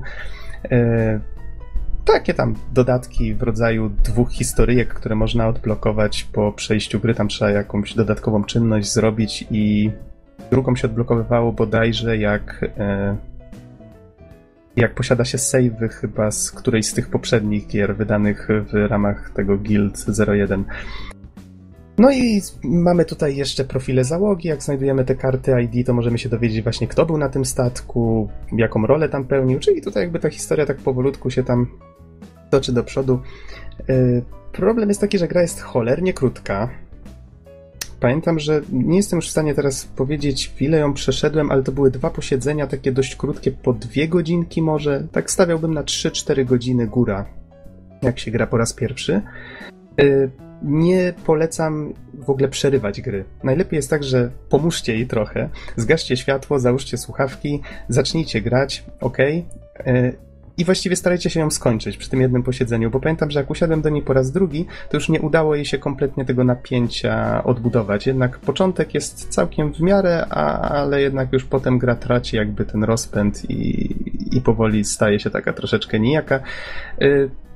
Końcówka historii, znaczy tutaj oczywiście nic nie zdradzając, myślę, że twórcy starali się tutaj zrobić parę takich twistów, troszeczkę zainteresować, ale bardzo szybko domyśliłem się właściwie, jak to się wszystko skończy, więc też tutaj trochę zawiedli. No i tak jak Don tutaj wspomniałeś o tym, że, że właśnie na dole widać cały czas tą kapsułę, to co jest wewnątrz tej kapsuły, a, a na górze widać właśnie tego robocika. Jest tu tyle fajnych pomysłów przychodzi na myśl, co oni mogliby tutaj zrobić. Na zasadzie, że ty jedziesz sobie na przykład tym robocikiem, a na dole na przykład w tej kapsule coś się zaczyna dziać. I na przykład wiesz, że musisz znaleźć tym robotem szybko tę kapsułę albo coś w tym rodzaju. No, taki najprostszy pomysł. Nigdy nic takiego się nie dzieje? Nigdy. Szkoda. No właśnie, oczekiwałem takich rzeczy po tej grze i trochę się zawiodłem. Początkowo byłem nawet zadowolony z tego, całkiem fajny, fajny klimacik się budował i taki wiecie, no taki prosty horrorek, nawet parę razy podskoczyłem tam przy jakiś, mm, przy jakiś takich wiecie, na zasadzie trup z szafy, nie? Ale no mówię, jednak, jednak to mm, mia, ma dużo, pomysł miał dużo więcej potencjału niż twórcy ostatecznie wykorzystali. No i myślę, że fabularnie też tutaj nie zaszaleli. Mogli to Mogli to zrobić dużo lepiej i myślę, że gra na końcu robi coś, czego żaden horror robić nie powinien, czyli y, wyjaśnia wszystko punkt po punkcie. Właściwie tak, wiecie, kawa na ławę, wszystko i już, aha, czyli właściwie żadnych niespodzianek. Dobra, to jak będę przechodził po raz drugi, to już wszystko wiem i nie ma się nad czym zastanawiać. Myślę, że zawsze nawet po skończeniu dobrego horroru powinna być jakaś taka tajemnica, która zostaje i która nie daje ci spokoju. Nie wiem, co o tym sądzicie. No, myślę, że to, to jest całkiem fajna rzecz. A mam do Ciebie jedno pytanie właśnie, związane z samym gameplayem gry. Mhm. E, gdyż w zasadzie pierwsze to ile gra trwa, już powiedziałeś. Teraz no tak, tak. w takim razie drugie pytanko. E, no właśnie, jest, mamy ten taki no bardzo retro styl kontrolowania postaci, te obracanie się o 90 stopni, wąski punkt, y, wąskie pole widzenia i teraz e, czy to nie jest trochę nużące, ten, ten, ten rodzaj gameplayu? Czy to, nie jest, czy, to, czy to się szybko nie wyczerpuje po prostu? Czy, czy, to, czy to nie nuży znaczy, bardzo szybko? Myślę, że gra nie jest na tyle długa, żeby to zdążyło się znużyć. Jeszcze nie wspomniałem o jednej rzeczy. Jak poruszamy się tym robocikiem, to w każdej e, chwili możemy e, gałką analogową e, ruszać kamerą, rozglądać się nią. Czyli stoimy w tym miejscu, w którym stoimy, ale jakby główka tego robota się rusza w takim ograniczonym stopniu i możemy się rozejrzeć i zwrócić uwagę na jakiś detal. Na przykład, no nie wiem, leży ciało kogoś z załogi i wtedy możemy ruszając właśnie tą kamerą, e, przeszukać albo głowę, albo tors, albo nogi. I to, to jest na przykład potrzebne, żeby się zorientować, e, że on ma na przykład coś w kieszeni. To też teraz, jak przeczytałem, że twórcy mieli dużo styczności właśnie z tekstowymi przygodówkami, to zrozumiałem, dlaczego ta gra miejscami ma takie trochę toporne rozwiązania na zasadzie, że okej, okay, znalazłem tego gościa, no dobra, no to klikam na, na, na nogi, co nie? I przykro mi, ale nie możesz y, grzebać mu w kieszeniach, to nie wypada, nie? Okej, okay, no to klikam na głowę. Y, to, to jest Bobby. Bobby niestety nie żyje. Okej, okay, w takim razie znowu klikam na nogi. O, w takim razie ze względu na to, że Bobby nie żyje, teraz mogę mu zajrzeć do kieszeni, nie? W kieszeni znajdujesz kartę. Mówię, okej, okay, czyli już pewnie ją mam. Odchodzę. Podchodzę do drzwi? Nie, nie mogę. Podchodzę znowu. Patrzę, pojawił się teraz przycisk, że mogę podnieść kartę z kieszeni. No takie trochę archaizmy, rozumiecie? Mhm. Więc gra ma tak, taką trochę oldschoolową duszę. To jest. To są bardzo złe rozwiązania, w sensie mnie one bardzo zrażają. Takie przygodówkowe, dziwne coś się. Mhm. No nie, jak nie. mówię, li liczyłem, że jednak e, ta gra troszeczkę tą swoją nietypowością mnie zaskoczy. I początkowo nawet udawało jej się czasami to zrobić, ale ostatecznie stwierdziłem, że to taki średniak z, ze zmarnowanym potencjałem. No tak bym go określił.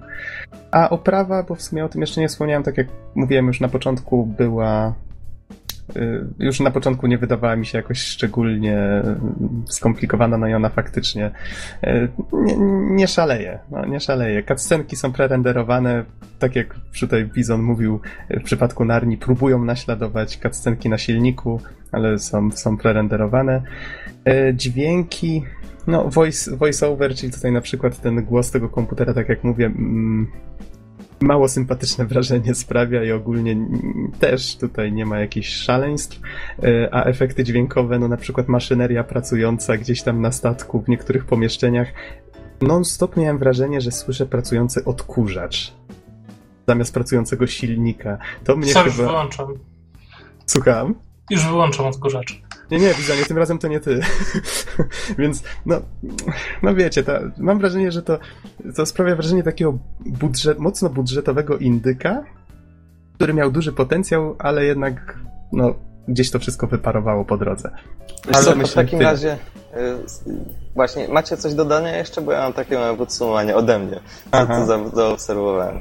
To znaczy, ja tak tylko dodam, że te gry z serii, które u nas są wydawane osobno, one normalnie są wydawane na kadrydżu, tak? Ten Guild tak, 2. Tak, dokładnie. E, jest ich tam kilka w zestawie, więc to są zazwyczaj niezbyt rozbudowane gierki, no i tego należy się spodziewać, że to jednak te 4 godziny i niezbyt złożona gra.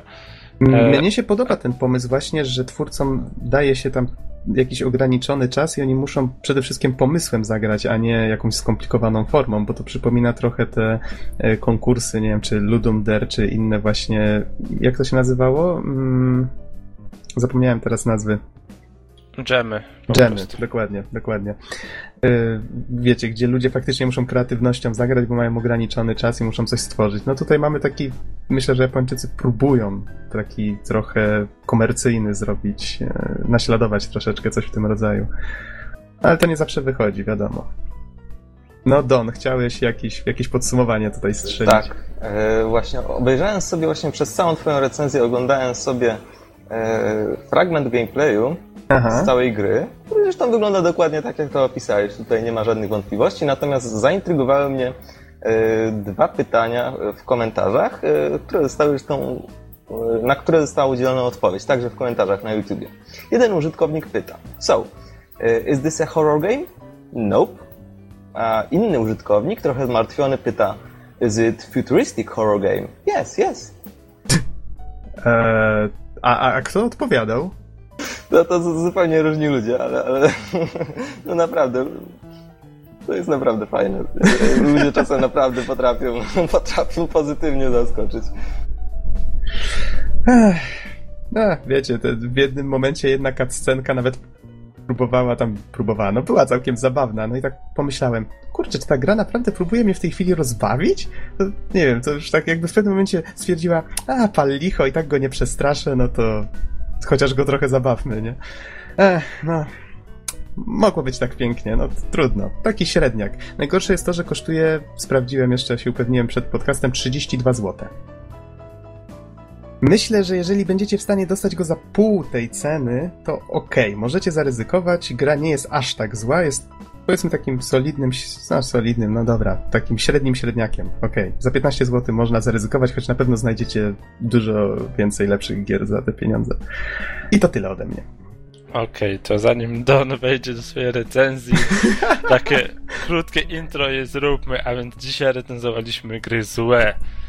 Ale no, to, na co się szykujecie, będzie przełomem po prostu. To będzie takie Porsche wśród złych gier. Tak, wisienka na torcie. To dobrze czy źle, że to Porsche? Wymienię Porsche na gorsze. E, no to Don, e, w takim razie jaką grę dzisiaj recenzujesz?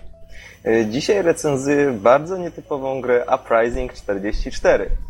Ale no to jest polska produkcja. Tak, oczywiście, nasza rodzima. I w zasadzie mógłbym być nawet z tego dumny, gdyby nie, pewne, gdyby nie pewne okoliczności, konkretnie i to, że ta gra powstała w ogóle. E, Okej. Okay. E, generalnie tak, zanim zacznę recenzję właściwą i małe wprowadzenie do tego, jak to wyglądało troszeczkę, przynajmniej moimi oczyma, na rynku, mhm. chciałbym zaznaczyć, że temat, jaki porusza ta gra, jest bardzo drażliwy. Znaczy, jeśli w jakiejkolwiek rozmowie towarzyskiej czy innej ktoś użyje określenia powstanie warszawskie, to wszystkich przechodzą ciarki, bo to jest taki trudny temat.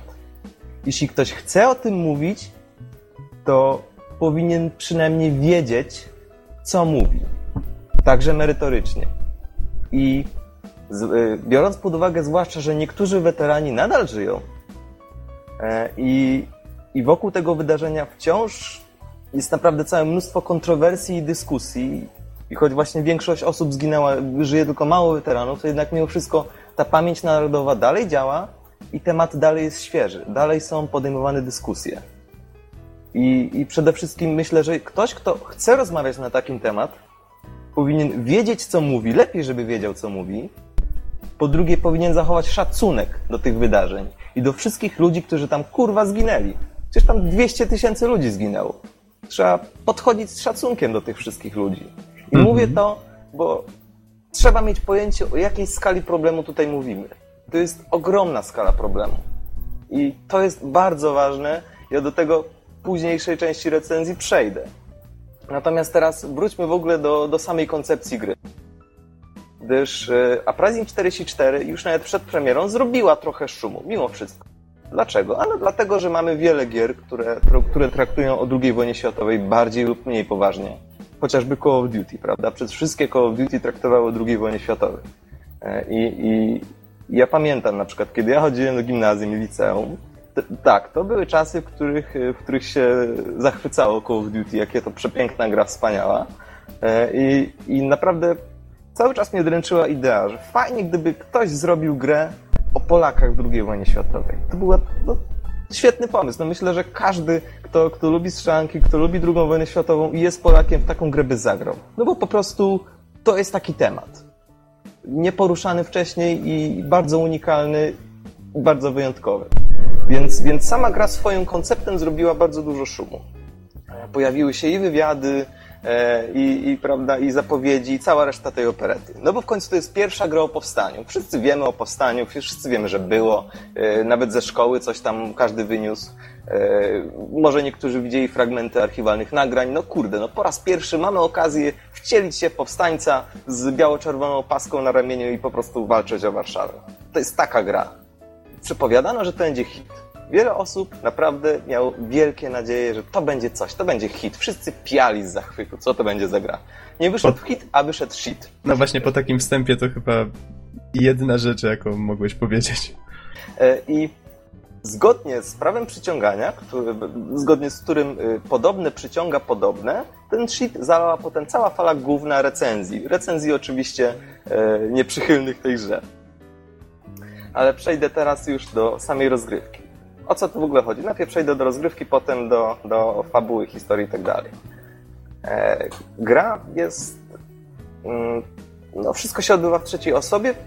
W zasadzie jest to strzelanka z systemem osłon i dowodzeniem. E, do tego jest także e, drugi tryb gry.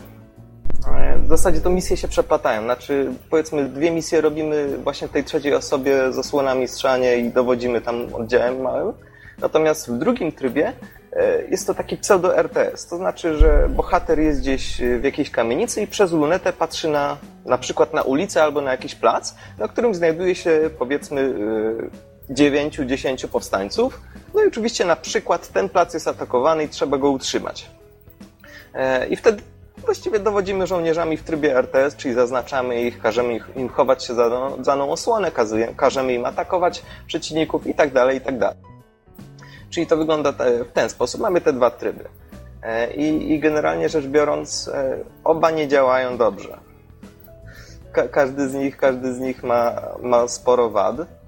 I w zasadzie zanotowałem sobie, że łatwiej powiedzieć, co działa, niż co nie działa. Na przykład, no, z całą odpowiedzialnością e, tego stwierdzenia mogę powiedzieć na pewno, że działa stanie postacią. To działa bez bugu. O mój Boże. Jak postać stoi, to, to się nic nie dzieje złego z nią. Naprawdę, ładnie to wszystko wygląda. Tak, je- jest fajnie. Natomiast, natomiast jeśli chodzi o tryb y, właśnie ten z trzeciej osoby, no to szwankuje. Ja, ja tu wymienię kilka najważniejszych rzeczy, żeby dać graczom świadomość, dlaczego, dlaczego w to się źle gra. Otóż szwankuje celowanie. Dlaczego? Ano dlatego, że twórcy spadli na pomysł, że będzie bardzo fajne zrobienie, wygładzanie, yy, wygładzanie ruchu myszy. To znaczy, wiecie, że w każdej strzelance liczy się to, żeby precyzyjnie namierzyć na przeciwnika w krótkim czasie i go zastrzelić. Natomiast tutaj wygładzanie myszy po- powoduje, że kiedy my sami zatrzymamy mysz, to, boha- to widok dalej się przesuwa, bo, bo jakby ta kamera musi wyhamować. I o ile nie jest to aż tak irytujące, to, to o tyle występują też walki na odległość, no i wtedy celowanie naprawdę działa okropnie. Taki Strzelanie- pijany snajper. E, Coś takiego.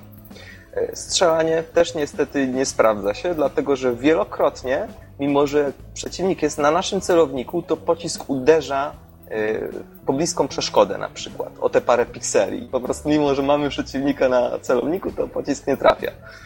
Przeciwnicy zresztą tak bardzo też, y, też y, tak, ta, ta, takie błędy napotykają. System chowania się też jest wadliwy, zauważyłem, że bo, bo, to działa tak jak w każdej tego typu grze, czyli chowamy się za przeszkodę, drugim przyciskiem myszy przycelowujemy jednocześnie wychylając się za tej przeszkody, no i strzelamy i puszczamy to, ten drugi przycisk myszy i bohater się chowa. Natomiast zauważyłem, że często zdarzyło się bohaterowi po prostu wstać od tej przeszkody, no i właśnie, no i wtedy byłem narażony na, na ogień przeciwnika, co nie było fajne. Y, kretyńskie jest y, AI wrogów, y, więc można powiedzieć szczęśliwie dla wszystkich Polaków. Niemcy są głupi jak kilo gwoździ, ale niestety jest też, jest też druga wiadomość. Powstańcy też są mądrzy. więc, okay. niestety, więc niestety tak źle to wygląda. Animacje postaci są naprawdę pokraczne, dziwne. Y, znaczy postać podczas dialogów bardzo często wygląda tak, jakby, jakby była, jakby to powiedzieć, taką luźną kukiełką, bezwładną, która próbuje trzymać pion. I ta głowa tak odlatuje gdzieś tam do tyłu, na lewo, na prawo i jakoś tak zupełnie to nie wygląda. Czyli w trybie tej trzeciej osoby tak to wygląda niestety, dosyć nieciekawie. Y, bardzo wadliwe jest też w ogóle dowodzenie, bo my mamy ze sobą, tak jak wspomniałem, nie jesteśmy sami, mamy także, no zależy od sytuacji, ale jednego, dwóch albo nawet trzech towarzyszy. My możemy nimi dowodzić, czyli na przykład mamy ZXC, przytrzymujemy Z yy, i wskazujemy celownikiem na dane miejsce, no to ta postać tam idzie. Przytrzymujemy Z, wskazujemy na przeszkodę, ta postać chowa się za przeszkodą i domyślnie y, walczy z przeciwnikiem. Tak to wygląda, natomiast te postaci są e, dosyć, e, no, zachowują się samowolnie, walczą bardzo słabo, e, w zasadzie chyba nawet nie mogą zginąć. Co jest też pewnym rozwiązaniem może to i lepiej. Tak, może to i lepiej. No i właśnie ja zauważyłem na przykład, że w zasadzie bo, w ogóle mnie to nie obchodziło, czy te postacie ze mną są, czy nie. Ja w jednym czy dwóch miejscach faktycznie je rozmieściłem, żeby przyciągnęły ogień nieprzyjaciela, kiedy ja musiałem na przykład zaminować coś, ale, ale po prostu w pewnym momencie na przykład jedna z bohaterek towarzyszy gdzieś się zablokowała, ja poszedłem dalej gdzieś tam do mapy i, i najśmieszniejsze jest to, że główny bohater właśnie z nią wtedy rozmawiał i, on, i ona odpowiadała mu, że mimo, że w ogóle jej nie było. także, także tak to wyglądało. No, rozmowa na odległość. Tak, to jest telepatia właśnie. E, I teraz króciutko już... To jest e, telefon o... komórkowy dom. W 44, tak? Jak, jak, jak, kiedyś byłem w 44 roku, miałem Nokia i miałem cztery kreski, więc coś w tym jest. No, no. Więc, to musiała być niezła impreza. Więc króciutko, króciutko jeszcze o drugim trybie RTS. Tak jak powiedziałem, widzimy wszystko z góry i dowodzimy swoimi ludźmi. E, mamy także, e, w zależności od sytuacji, także mm, jakby e, wsparcie specjalne. To jest bardzo częsty motyw w grach. To znaczy na przykład ktoś siedzi z CKM-em w oknie i, i po prostu możemy kliknąć Q i aktywować jego, żeby na przykład zestrzelić tego gościa. I wtedy on aktywuje się co jakiś czas oczywiście jest dostępny. No to jest typowy zabieg. Natomiast ten tryb RTS ma jedną bardzo poważną wadę. Oczywiście głównie tą, że powstańcy też są mądrzy, ale, ale inną także. Otóż E, otóż e, w momencie, kiedy zaznaczamy sobie powiedzmy wszystkie, wszystkich powstańców, to jest jakby najlepsze rozwiązanie, którzy są pochowani już na pozycjach i trzeba kliknąć na, przyciska, na, na, przeciwnika prawym przyciskiem myszy, żeby oni zaczęli do niego strzelać. No też typowe rozwiązanie, ktoś mógł powiedzieć, co tu można spierdolić. Otóż, e, chodzi o to, że jakby mm, trzeba z bardzo dużą precyzją przycisnąć na przeciwnika. Z bardzo dużą precyzją. I w momencie, kiedy on się przesunie troszeczkę dalej, to powstańcy zamiast do niego strzelać, oni zrozumieją, idźmy tam, bo tam nie ma już nikogo, gdzie ty klikasz, więc wszyscy idziemy tam. I nagle wszyscy opuszczają swoje pozycje i w ten sposób to chyba z 10 razy powtarzałem, zanim się nauczyłem dobrze klikać na przeciwników. Tak, i z okrzykiem na ustach. Tak, właśnie w ogóle najśmieszniejsze jest to, że kiedy masz wszystkich zaznaczonych i każesz im gdzieś iść, to oni tak bezmyślnie, churalnie powtarzają. Bez litości. Hurra! Gdzieś tam naprzód, a, bo też po prostu takie głupie kwestie występują, na przykład klikasz na, na, na, na powstańca i mówi, dlaczego ja? Mogę tu zostać? A co powiesz na y, taktyczny odwrót? Na, na, takie żarciki sobie o. O mój Boże. Wiecie co? O fuck.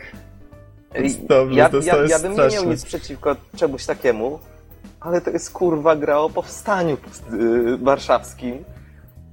To nie jest temat, z którego można żartować, przynajmniej nie w taki sposób to było trochę niesmaczne dla mnie przynajmniej, wiecie.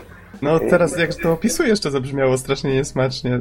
Ach, dobra, okej. Okay. Klikasz, każesz mówić, może tam już zostanę. Dlaczego ja? Okej, okay, dobra. Natomiast y, tak to niestety wygląda. Niestety też muszę powiedzieć o tym CKM-ie, bo to jest świetny pomysł na żart, ale y, strasznie głupio to brzmi. To znaczy, y, przyciskam to Q z precyzją dosłownie matematyczną, przyciskam na przeciwnika, żeby go zestrzelić. Mhm. I CKM strzela po dwóch sekundach. Nie strzela w tego kolesia, tylko strzela w to miejsce, które zaznaczyłem na chodniku. I to wygląda tak. To, to, to wygląda tak, jakbym ja mówił temu, temu CKM-iście, słuchaj, klikam w to miejsce, tu jest koleś, ale ty się nim nie masz. On za dwie sekundy będzie dalej. Pamiętaj, ta kostka brukowa. Ta konkretna kostka mnie interesuje. On, on pobiegnie, on, ta kostka. Pamiętaj, kostka. Tak? I, i tak to wygląda, także... No... To, to, to, taki koleś, wiecie, taki zes i takie yy, strzelać, tam strzelać. Także, także tak to wygląda. Jest dużo pomysłów w tej grze. Na przykład, kiedy znajduje się snajper, E, i musimy na przykład y, chować się, iść przez ulicę używając osłon, żeby on nas y, powiedzmy e, nie znalazł, tak? Żeby nas nie trafił. E, I twórcy zrobili to w taki sposób, że kiedy jesteśmy po prostu luźno na ulicy, to wtedy zapełnia się taki pasek po prawej stronie. Jeśli on się zapełni, giniemy, proste. Natomiast, żeby uniknąć jego zapełnienia się lub żeby on wygasł, żeby, żeby to zapełnienie się ustawało, nawet opróżniał się ten pasek, Y, musimy się przytulić do jakiejś przeszkody. No też typowe rozwiązanie, bardzo fajne. Tyle, że okazało się, że, że to działa zawsze. To znaczy, nawet jeśli pójdziemy na zaułek jakiś, w którym już ten snajper nas nie widzi, bo ja widziałem, z którego okna on strzelał, i tak giniemy. Mało tego, w momencie, kiedy jesteśmy na, na widoku tego snajpera, jesteśmy przytuleni do ściany, to on nas nie widzi. Czyli to jest taki zupełnie automatyczny system, który, który się nie sprawdza, bo ja intuicyjnie na przykład patrzyłem, w którym oknie jest ten snajper i próbowałem się fizycznie przed nim chować, a nie, a nie tak jak chciał silnik gry i dlatego przegrywałem. Natomiast no bo ty nie, jeszcze... nie widziałeś tego filmu Łąty, to oni tak potrafili te kule zakręcać za róg czy coś. To pewnie nie no, ta rodzina. Teraz, teraz jest jeszcze fajniejsza sprawa. E, znaczy wiesz, zakręcającymi pociskami miałem do, do czynienia z AVP2, konkretnie dyskiem, który zakręcił i ale, ale to już jest inna historia. Natomiast muszę wspomnieć jeszcze o systemie skradania się, który też mnie bardzo mocno zaskoczył. On działa na bardzo podobnej zasadzie. Jest jedna misja, w której musimy się przekraść, żeby wysadzić magazyn z amunicją. E, no właśnie, i, i to jest taka pseudo-skradankowa misja, której dają popis także niemieccy aktorzy, którzy są w pełni profesjonalni. O dziwo. E, naprawdę są świetni. Natomiast y, do czego dążę? Otóż w tej misji rzecz działa bardzo podobnie. W momencie, kiedy żołnierz niemiecki jest w naszym pobliżu, wtedy ta, ten sam pasek się zapełnia. Kiedy się zapełni, jest alarm, przegrywamy. Natomiast w momencie, kiedy y, przytujemy się do przeszkody, to wtedy ten pasek się opróżnia, czyli przestaje rosnąć. I teraz doszło do takiej kuriozalnej sytuacji, w której ja byłem przytulony y, do ściany ciężarówki, taki wiecie, bohater stoi z bronią w ogóle taki zupełnie skupiony. Y, idzie Niemiec obok tej ciężarówki, skręca i stoi obok mnie, tak patrzy na mnie, nie reaguje i potem idzie. Także no, ja sobie pomyślałem, że to wygląda tak, że ten Niemiec tam idzie, ten, ten powstaniec, kurczę, taki zestresowany, słuchaj, mnie tu nie ma, naprawdę, ja tu tylko sprzątam, nie widzisz mnie, mnie tu nie ma. Ten Niemiec mówi, spokojnie, luz, naprawdę, przecież my tu nawet nie wiemy, jak my się sami nazywamy. E, spokojnie, nic się nie stało, także, I także tak to wygląda w tej grze. Także mamy całą masę mniejszych czy większych błędów i wpadek. Czyli, czyli tak jak powiedziałem, łatwiej jest powiedzieć, co działa, niż, co, niż, niż, mówić, co, co nie działa tak naprawdę, bo grając normalnie zawsze zauważamy, w sensie spojrzymy tu, o, tutaj coś jest nie tak, spojrzymy tam, a ten model chyba się trochę źle wyświetla, spojrzymy na ten dym, coś tu się krzaczy, nie?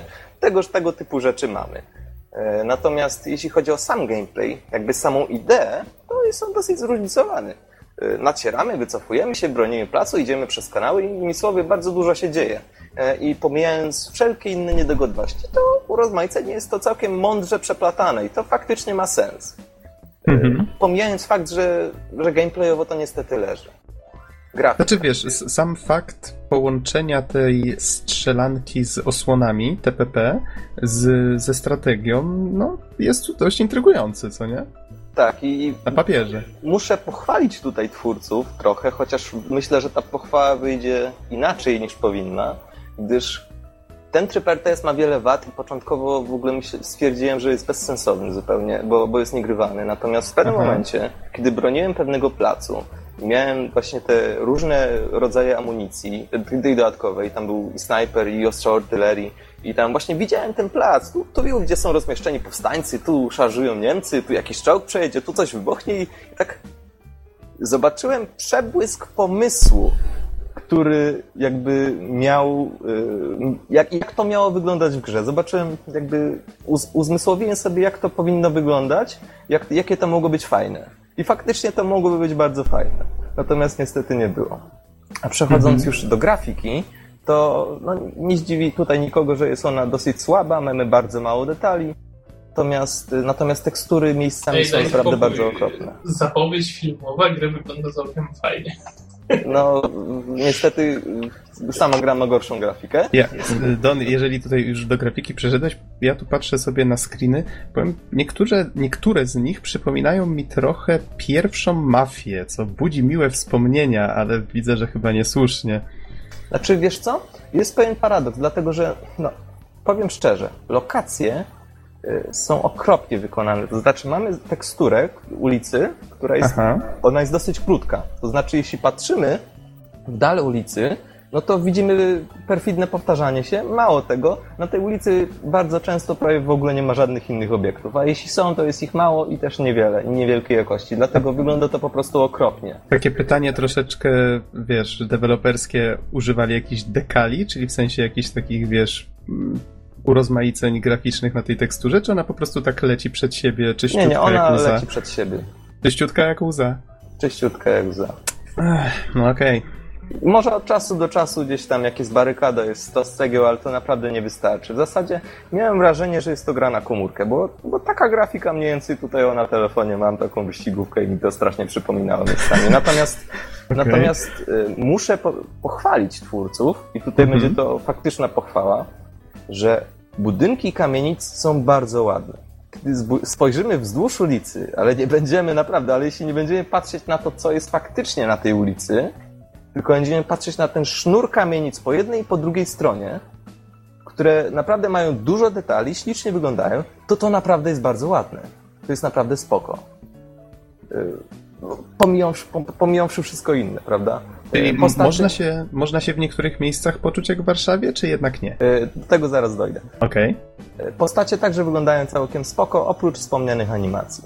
Mhm. Natomiast przechodząc już właśnie do odzorowania Warszawy, ja generalnie nie znam aż tak bardzo wszystkich zakątków Warszawy, ale, ale jedna, jedna z lokacji to, to, to są walki o uniwersytet i, i, i właśnie wychodzimy z takiej uliczki naprzeciwko świątyni okazałej, no i jest informacja, że zaraz wejdziemy na krakowskie przedmieście. A mi się zaraz włączyła lampka, no zaraz, ja znam tą ulicę, jak spojrzymy tam na prawo, to tam będzie zaraz uniwerek.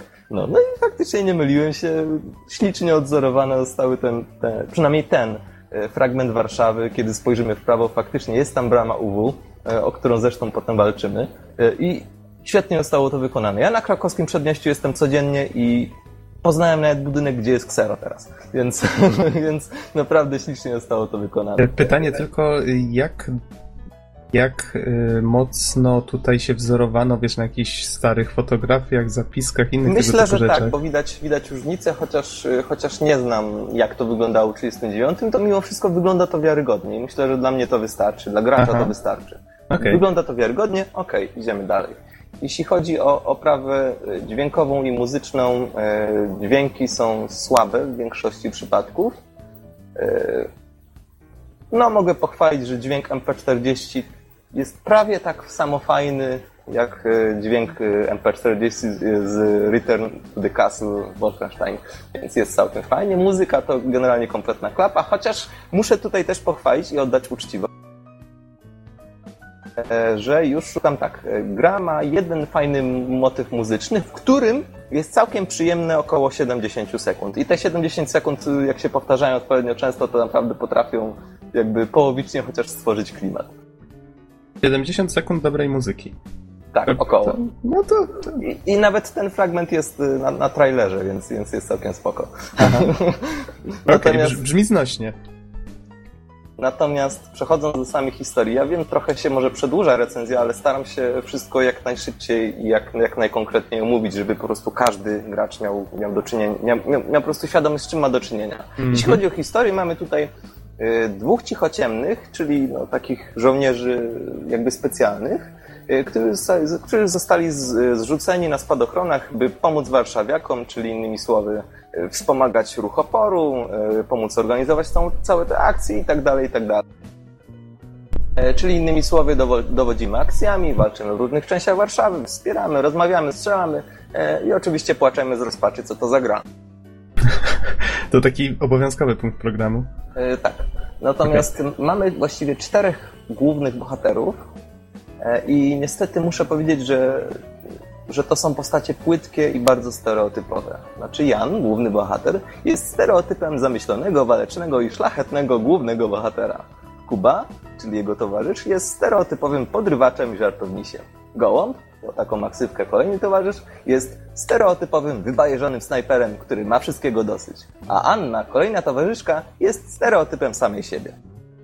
Okej. Okay.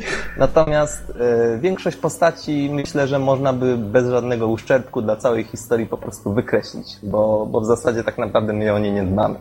Ja już sam nadmieniłem, że praktycznie chodziłem sam i nie dbałem o to, czy one się gdzieś tam kręcą, czy się nie kręcą. A to jeżeli ta historia jest taka stereotypowa i to właściwie jest w niej cokolwiek wartościowego, czy wszystko to jest taka kalka? Nie wiem, czy czy to próbuje przypominać, nie wiem, amerykański film akcji, czy to w ogóle ma jakąś taką duszę polską sobie, choć trochę, jakieś takie, wiesz, no, tak jak mówisz, wielu weteranów żyje, więc na pewno mają do opowiedzenia niejedną ciekawą historię. Czy to w ogóle tu widać? Wiesz co, to jest właśnie kolejna rzecz, o której właśnie teraz dokładnie w tym momencie chciałem powiedzieć. E, to jest nie do końca tak, jak mówisz. Teraz wyjaśnię dlaczego. Aha. Generalnie cała gra jest taką bajką. To jest bajka. Jest o. głupia, stereotypowa i płytka, ale ta bajka traktuje siebie bardzo serio. I to, I jest, to jest problem.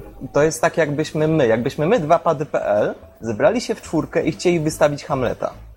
To jest coś takiego. No to o. kiedy? Na następnym zlocie. Ja, ale poważnie. No, no tak, tak, rozumiem Trzeba o co ci chodzi. mierzyć jakby swoje siły na cel, który chcemy osiągnąć i no, ta gra próbuje traktować siebie poważnie, nawet bardzo serio, próbuje nawet budować klimat, y, nawet wciska wątek romansowy, który jest tak bardzo wymuszany, że mówię, tą postać można by skreślić, nic by się nie stało. No po prostu to jest, to jest bardzo duży problem. Ta gra nie potrafi opowiedzieć serio danej historii, ale bardzo próbuje i to jest au, bolesne. Mhm. Mamy tutaj próby rozwoju postaci i pokazania różnych punktów widzenia, ale mamy całą serię kuriozalnych sytuacji. To znaczy, e, mamy co jakiś czas dialogi czy wydarzenia, które próbują y, budować dramatyzm i wiecie, całą tą, no kurczę, tragiczną otoczkę całego tego wydarzenia. I w pewnym momencie y, toczą się walki o budynek Poczty Głównej, tak samo jak faktycznie to miało w rzeczywistości. E, główny bohater e, robi coś, za co kapitan wyższy strasznie go ochrzania. Mówisz, zawaliłeś, zupełnie zawaliłeś całą sprawę, do niczego się nie, nie nadajesz. I następna akcja to jest obrona placu przed tym budynkiem, przed Niemcami. To jest bardzo ryzykowna akcja. I ten sam komendant mówi do głównego bohatera, słuchaj, ty dowodzisz. Okej. Okay. Tak, to też był, był, był dla mnie dosyć duży szok. Y, natomiast, y, natomiast mamy inną scenę, w której główni bohaterowie mają przeprowadzić grupę cywili i uratować ich przed okropnymi efektami specjalnymi, i jedyna droga prowadzi przez kanały. E, I oni po prostu e, najpierw przed, przejść... Przed czym ich uratować? Przed okropnymi efektami specjalnymi. Okay. Natomiast jedyna droga prowadzi przez kanały, najbezpieczniejsza. I po prostu potem chcą wsiąść na statek na drugi brzeg Wisły i tam się dalej organizować. Przy okazji ich Natomiast jeden z towarzyszy mówi nie, nie mogę tego zrobić. Dlaczego nie? No, jedziemy na statek na drugi brzeg Wisły i będziemy się dalej organizować, będziemy walczyć. Nie, nie mogę. Nie w ten sposób. Dlaczego? Bo moje motywacje są niejasne. E, także... Co jest? Co jest w ogóle? Nie, no, oczywiście wymyśliłem tę ostatnią odpowiedź, ale, ale to tak wygląda, nie? Gra poważnie próbuje to, to, to, to powiedzieć. Natomiast inna sytuacja, w której wysadzamy e, wspomniany przeze mnie magazyn e, i w momencie, kiedy już są podłożone ładunki, kiedy my już uciekamy, nagle słyszymy rozmowy dwóch Niemców. Niemców. Okazuje się, że Niemiec, żołnierz Wehrmachtu, mówi swojemu koledze, także Niemcowi, to się składa ładnie, y, o tym, jak to pięknie będzie, że wróci do żony, y, za parę dni wyściska swoje dziecko, będzie, z nim, będzie ze swoim synem grać w piłkę cały dzień, potem opowie mu bajkę na dobranoc. I w zasadzie mówi to tak zupełnie przypadkowo, nie to, żeby zaraz zginął w eksplozji e, efektywnym morzu ognia, e, i, i, i, że mówi to tylko dlatego, żeby komuś zrobiło mu się przykro. Nie, w ogóle nie, to tylko taki przypadek. E, natomiast Y, są też inne sytuacje, na przykład walki OUW, w których grupa źle uzbrojonych i, i mało licznych powstańców atakuje na, na naj, najlepiej zorganizowany i, najbardziej uzbrojony bastion Niemców w Warszawie frontalnymi drzwiami, tak? Dosłownie, frontalnymi drzwiami. I, nawet byśmy wygrali, gdyby nie tak zwany efekt Infinite German. Czyli, czyli po prostu Niemcy cały czas, cały czas wychodzili z trzech miejsc. Także efekt Infinite German genialnie. Natomiast y, są też przykre żarty, które mnie osobiście no, zrobiły mi przykrość. Konkretnie w pewnym momencie bohater twierdzi, że y, no, zaczyna rozmawiać z Jankiem o tym, że, że, że w sumie jest taki film o Charlie Chaplinie i że fajnie byłoby, gdyby, gdyby było takie pokrętło do tego filmu i że można by wybierać, czy Chaplin pójdzie w lewo, czy w prawo. Y, I, i, powiedział, w sumie tak mówię to, bo, bo w sumie czuję się, jakby ktoś nami sterował. Serio? W grze o powstaniu warszawskim robicie żart o stworzeniu gry wideo.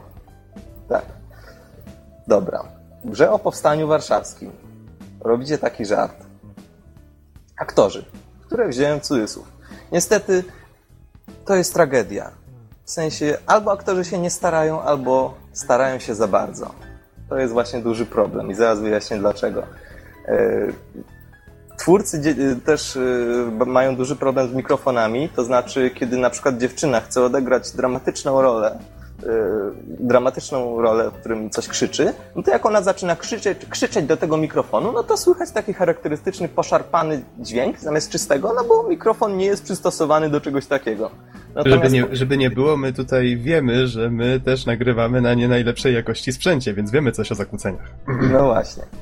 E, więc takie coś występuje, natomiast kiedy patrzymy na te postaci i na to, co one mówią, to tak naprawdę w wyobraźni zamiast powstańca, który walczy o życie, o wolność Warszawy, o ojczyzny jakby w szerszej skali, w wyobraźni widzimy studenta, który wysila się przed mikrofonem. No tak, i to jest, to jest główny problem, dlatego nie wierzę w ani jedno słowo, które oni mówią. E, no, równie dobrze, kiedy ktoś ginie i reszta płacze, ja mogę sięgnąć po kanapkę i zacząć siedzieć, bo tak mnie to rusza po prostu. To jest, to jest tak, tak przekonująco zrobione. Natomiast muszę oddać im, że parę razy mnie przekonali, to tak na 100%. Znaczy, gra w ogóle zaczyna się bardzo ładną sceną, że, że jesteśmy w zaciemnionym pokoju i widzimy, e, widzimy jakby światło z otwartych drzwi i słyszymy przysięgę młodych ludzi, którzy właśnie składają przysięgę o tym, że, że nie oddadzą dobra państwowego, które jest im powierzone i tak dalej, i tak dalej. To jest pewnie autentyczna przysięga. Nie orientuję się, ale tak brzmi. Natomiast zabrzmi autentycznie, bo to są właśnie młodzi ludzie, którzy nic nie wiedzą o wojnie, którzy składają przysięgę. No to kto by się lepiej nadał do tej roli? Oni się do tego nadają. Natomiast e, oprócz tego jeszcze dowódca miał swoje momenty. E, momentami bardzo fajnie brzmił, autentycznie. No i na samym początku towarzysz bohatera, który go budzi, też bardzo fajnie zabrzmiał, bardzo autentycznie. Poza tym nie wierzę w ani jedno słowo. E, trochę się rozgadałem, ale już jestem przy samym końcu. E, wybaczcie, ale, ale musiałem. Natomiast co mnie jeszcze mhm. bardzo uderzyło, w grze występują poważne błędy merytoryczne, poważne z, z punktu widzenia, no nie, ja jestem fanem militariów, więc, więc widzę takie błędy, ale też takie, które zauważy każdy. Otóż w pewnym momencie e, w takiej popularno-naukowej notce, które się co jakiś czas na ekranie wyświetlają, jak, e, jak, ma, jak robimy postęp w grze, e, jest mowa o oblężeniu Niemców z 1989 roku. Ja nie wiem, jak to przeszło przez testy. Nie chcę wiedzieć, jak to przeszło przez testy. Ja nie wiedziałem, że za mojego życia jakieś oblężenie, jasny gwint. ja się urodziłem rok później, więc nie pamiętam, ale wątpię, żeby twórcy wynaleźli jakąś rewolucję historyczną. No ja jestem Natomiast- rocznik 88, więc... Natomiast y, to, co jeszcze zauważyłem, na przykład MP40, to jest bardzo popularna broń, pistolet maszynowy II wojny światowej, niemiecki. I twórcy twierdzą, że jest to karabin maszynowy. Na ich nieszczęście ja po swojej prawej stronie na ścianie mam MP40 replikę. Ja wiem, co to jest. Źle ja sobie trafili. kitu wcisnąć nie dam. Źle trafili. Więc y, podsumowując już, takie jakby powrócę jeszcze raz do tego tematu. To jest bajka. Jest głupia, stereotypowa, to jest bajka. Jeśli traktujemy to jako bajkę, jeśli ta bajka sama siebie traktuje z dystansem, okej, bardzo dobrze. Niech będzie to, nie wiem, romans z wojną w tle. Okej, fajnie. Bo wojna już wiele razy w grach wideo, druga została przerobiona, jednak mimo wszystko bardziej bym się na to zgodził ale to jest powstanie warszawskie, wiecie? To jest dosyć poważny problem. I ta bajka chce poważnie mówić o tym problemie, jakby w ogóle wiedziała, że może, może o tym mówić. Natomiast ja nie jestem za tym, żeby nie dyskutować o tym problemie. Ja jestem za tym, żeby dyskutować, bo dyskusje trwają do dzisiaj. Filmy, nawet gry, niech będzie. To też jest dobre medium do tego. Tylko ja mam obiekcje przeciwko idiotom, którzy próbują w tych dyskusjach zabierać głos. A ta gra jest niepoważna i myślę, że jest poważna. I to jest największy ból, że nawet wyjmując gameplay. I wiecie co, mnie ta gra osobiście nie obraziła, ale myślę, że mogłaby być obraźliwa. Jest szansa, że ktoś mógłby naprawdę zostać obrażony przez to. Więc Mhm. to jest poważna sprawa jednak. Moim zdaniem. To jest. To nie, to tak, tak samo jakbyśmy my chcieli Hamleta wystawić na poważnie. Tak? No, to się nie uda. Więc, więc to by było na tyle. Mam jeszcze krótkie podsumowanie, bardzo krótkie i szybkie. Natomiast jeśli macie jakieś pytania, to, yy, to bardzo chętnie na nie odpowiem. No, znaczy pytań, pytań żadnych nie mam, ja się z tobą oczywiście zgadzam. Pamiętam, że jak ta gra wyszła i czytałem recenzję, też nie mogłem odżałować, że rany, to jest poważny temat, ale już pomijając ten fakt, ten temat jest też świetnym, nie oszukujmy się, tematem na książkę, na film, na grę, na cokolwiek. I naprawdę można by z tego zrobić poważną, fajną historię interaktywną, nawet strzelankę, która no, mogłaby poruszyć człowieka, no, mogłaby przedstawić jakieś fajne wydarzenia, które jednocześnie dawałyby do myślenia. I właśnie tego najbardziej nie mogłem odżałować, że, że nie wzięło się za to jakieś poważne studio i nie zrobiło jakiejś poważnej, takiej solidnej gry o tej tematyce. No i no właśnie, no myślę, że to jest podsumowanie całości. Ta gra mogłaby być naprawdę piękną historią, no bo jednak mimo wszystko gry wideo są świetnym medium, które pozwala, tak jak powiedziałeś, opowiedzieć różne historie. A ta historia jest, no, jest tutaj dramat, jest dużo dramatu. Jest tutaj dramat, jest tragedia, ale też, też trochę nadziei w tym jest. jest ta gra, gdyby była dobra, gdyby poważnie podsze- podszedła, podeszła do, do tematu, to naprawdę mogłaby nawet, y, nawet zmusić do pewnych refleksji. Nawet, y, kurczę, no młode pokolenie po prostu mogłoby na przykład bardziej w temacie się zorientować, bo gra jest lepszym medium, żeby coś takiego zrobić, niż powiedzmy podręcznik szkolny. Oczywiście to jest, to jest y, trochę uwypuklam, ale, ale rozumiecie o co chodzi. Natomiast Tak? Mi się przypomniał taki tekst, że dramat spory, ale dramaturgia zerowa. E, dobra, no to słuchajcie, też się trochę poważnie u nas zrobiło, e, dlatego teraz e, na małe rozluźnienie atmosfery i, i podsumowanie tym samym krótko opowiem. Ta gra to zły gameplay, okropna grafika, placeholdery, źli aktorzy, zły scenariusz, złe strzelanie, złe celowanie, złe SI, głupi powstańcy, okropne animacje, pomniejszone, e, pomniejsze błędy i wpadki, tani romans, błędy merytoryczne, lubię naleśniki, przykre żarty, przykre próby wzbudzania litości, bohater biega jak paralityk, Niemcy są ślepi, w tym także snajperzy. I to jest wszystko. Ale mamy też słabe eksplozje, puste ulice, bezsensowne decyzje, idiotyczne akcje, pistolet brzmi jak gumka do włosów, kretyński punkt kulminacyjny. Czy wiesz, że kałamarnica olbrzymia to jeden z największych na świecie? Lokacje bez detali, co robi maszyna do pisania, lampka i stów komórce na węgiel, słabe mikrofony, niemieccy aktorzy grają profesjonalnie, a polscy to nieudacznicy, nieintuicyjny i brzydki interfejs, brak checkpointów i to jest naprawdę wszystko, przysięgam, to tyle. A nie, nie, jeszcze, ta gra to gówno.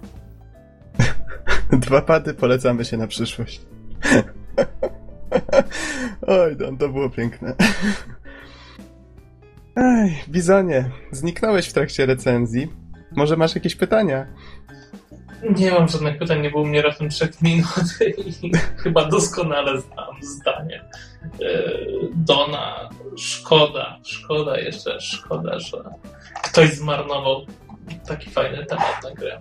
Najgorsze jest to, że teraz będą się przez parę lat bali poważniejsi wydawcy czy twórcy wziąć za to, żeby nie, nie było skojarzeń z tą grą. Myślę, że to może być jeszcze większy problem. No ale cóż, może ktoś zaryzykuje.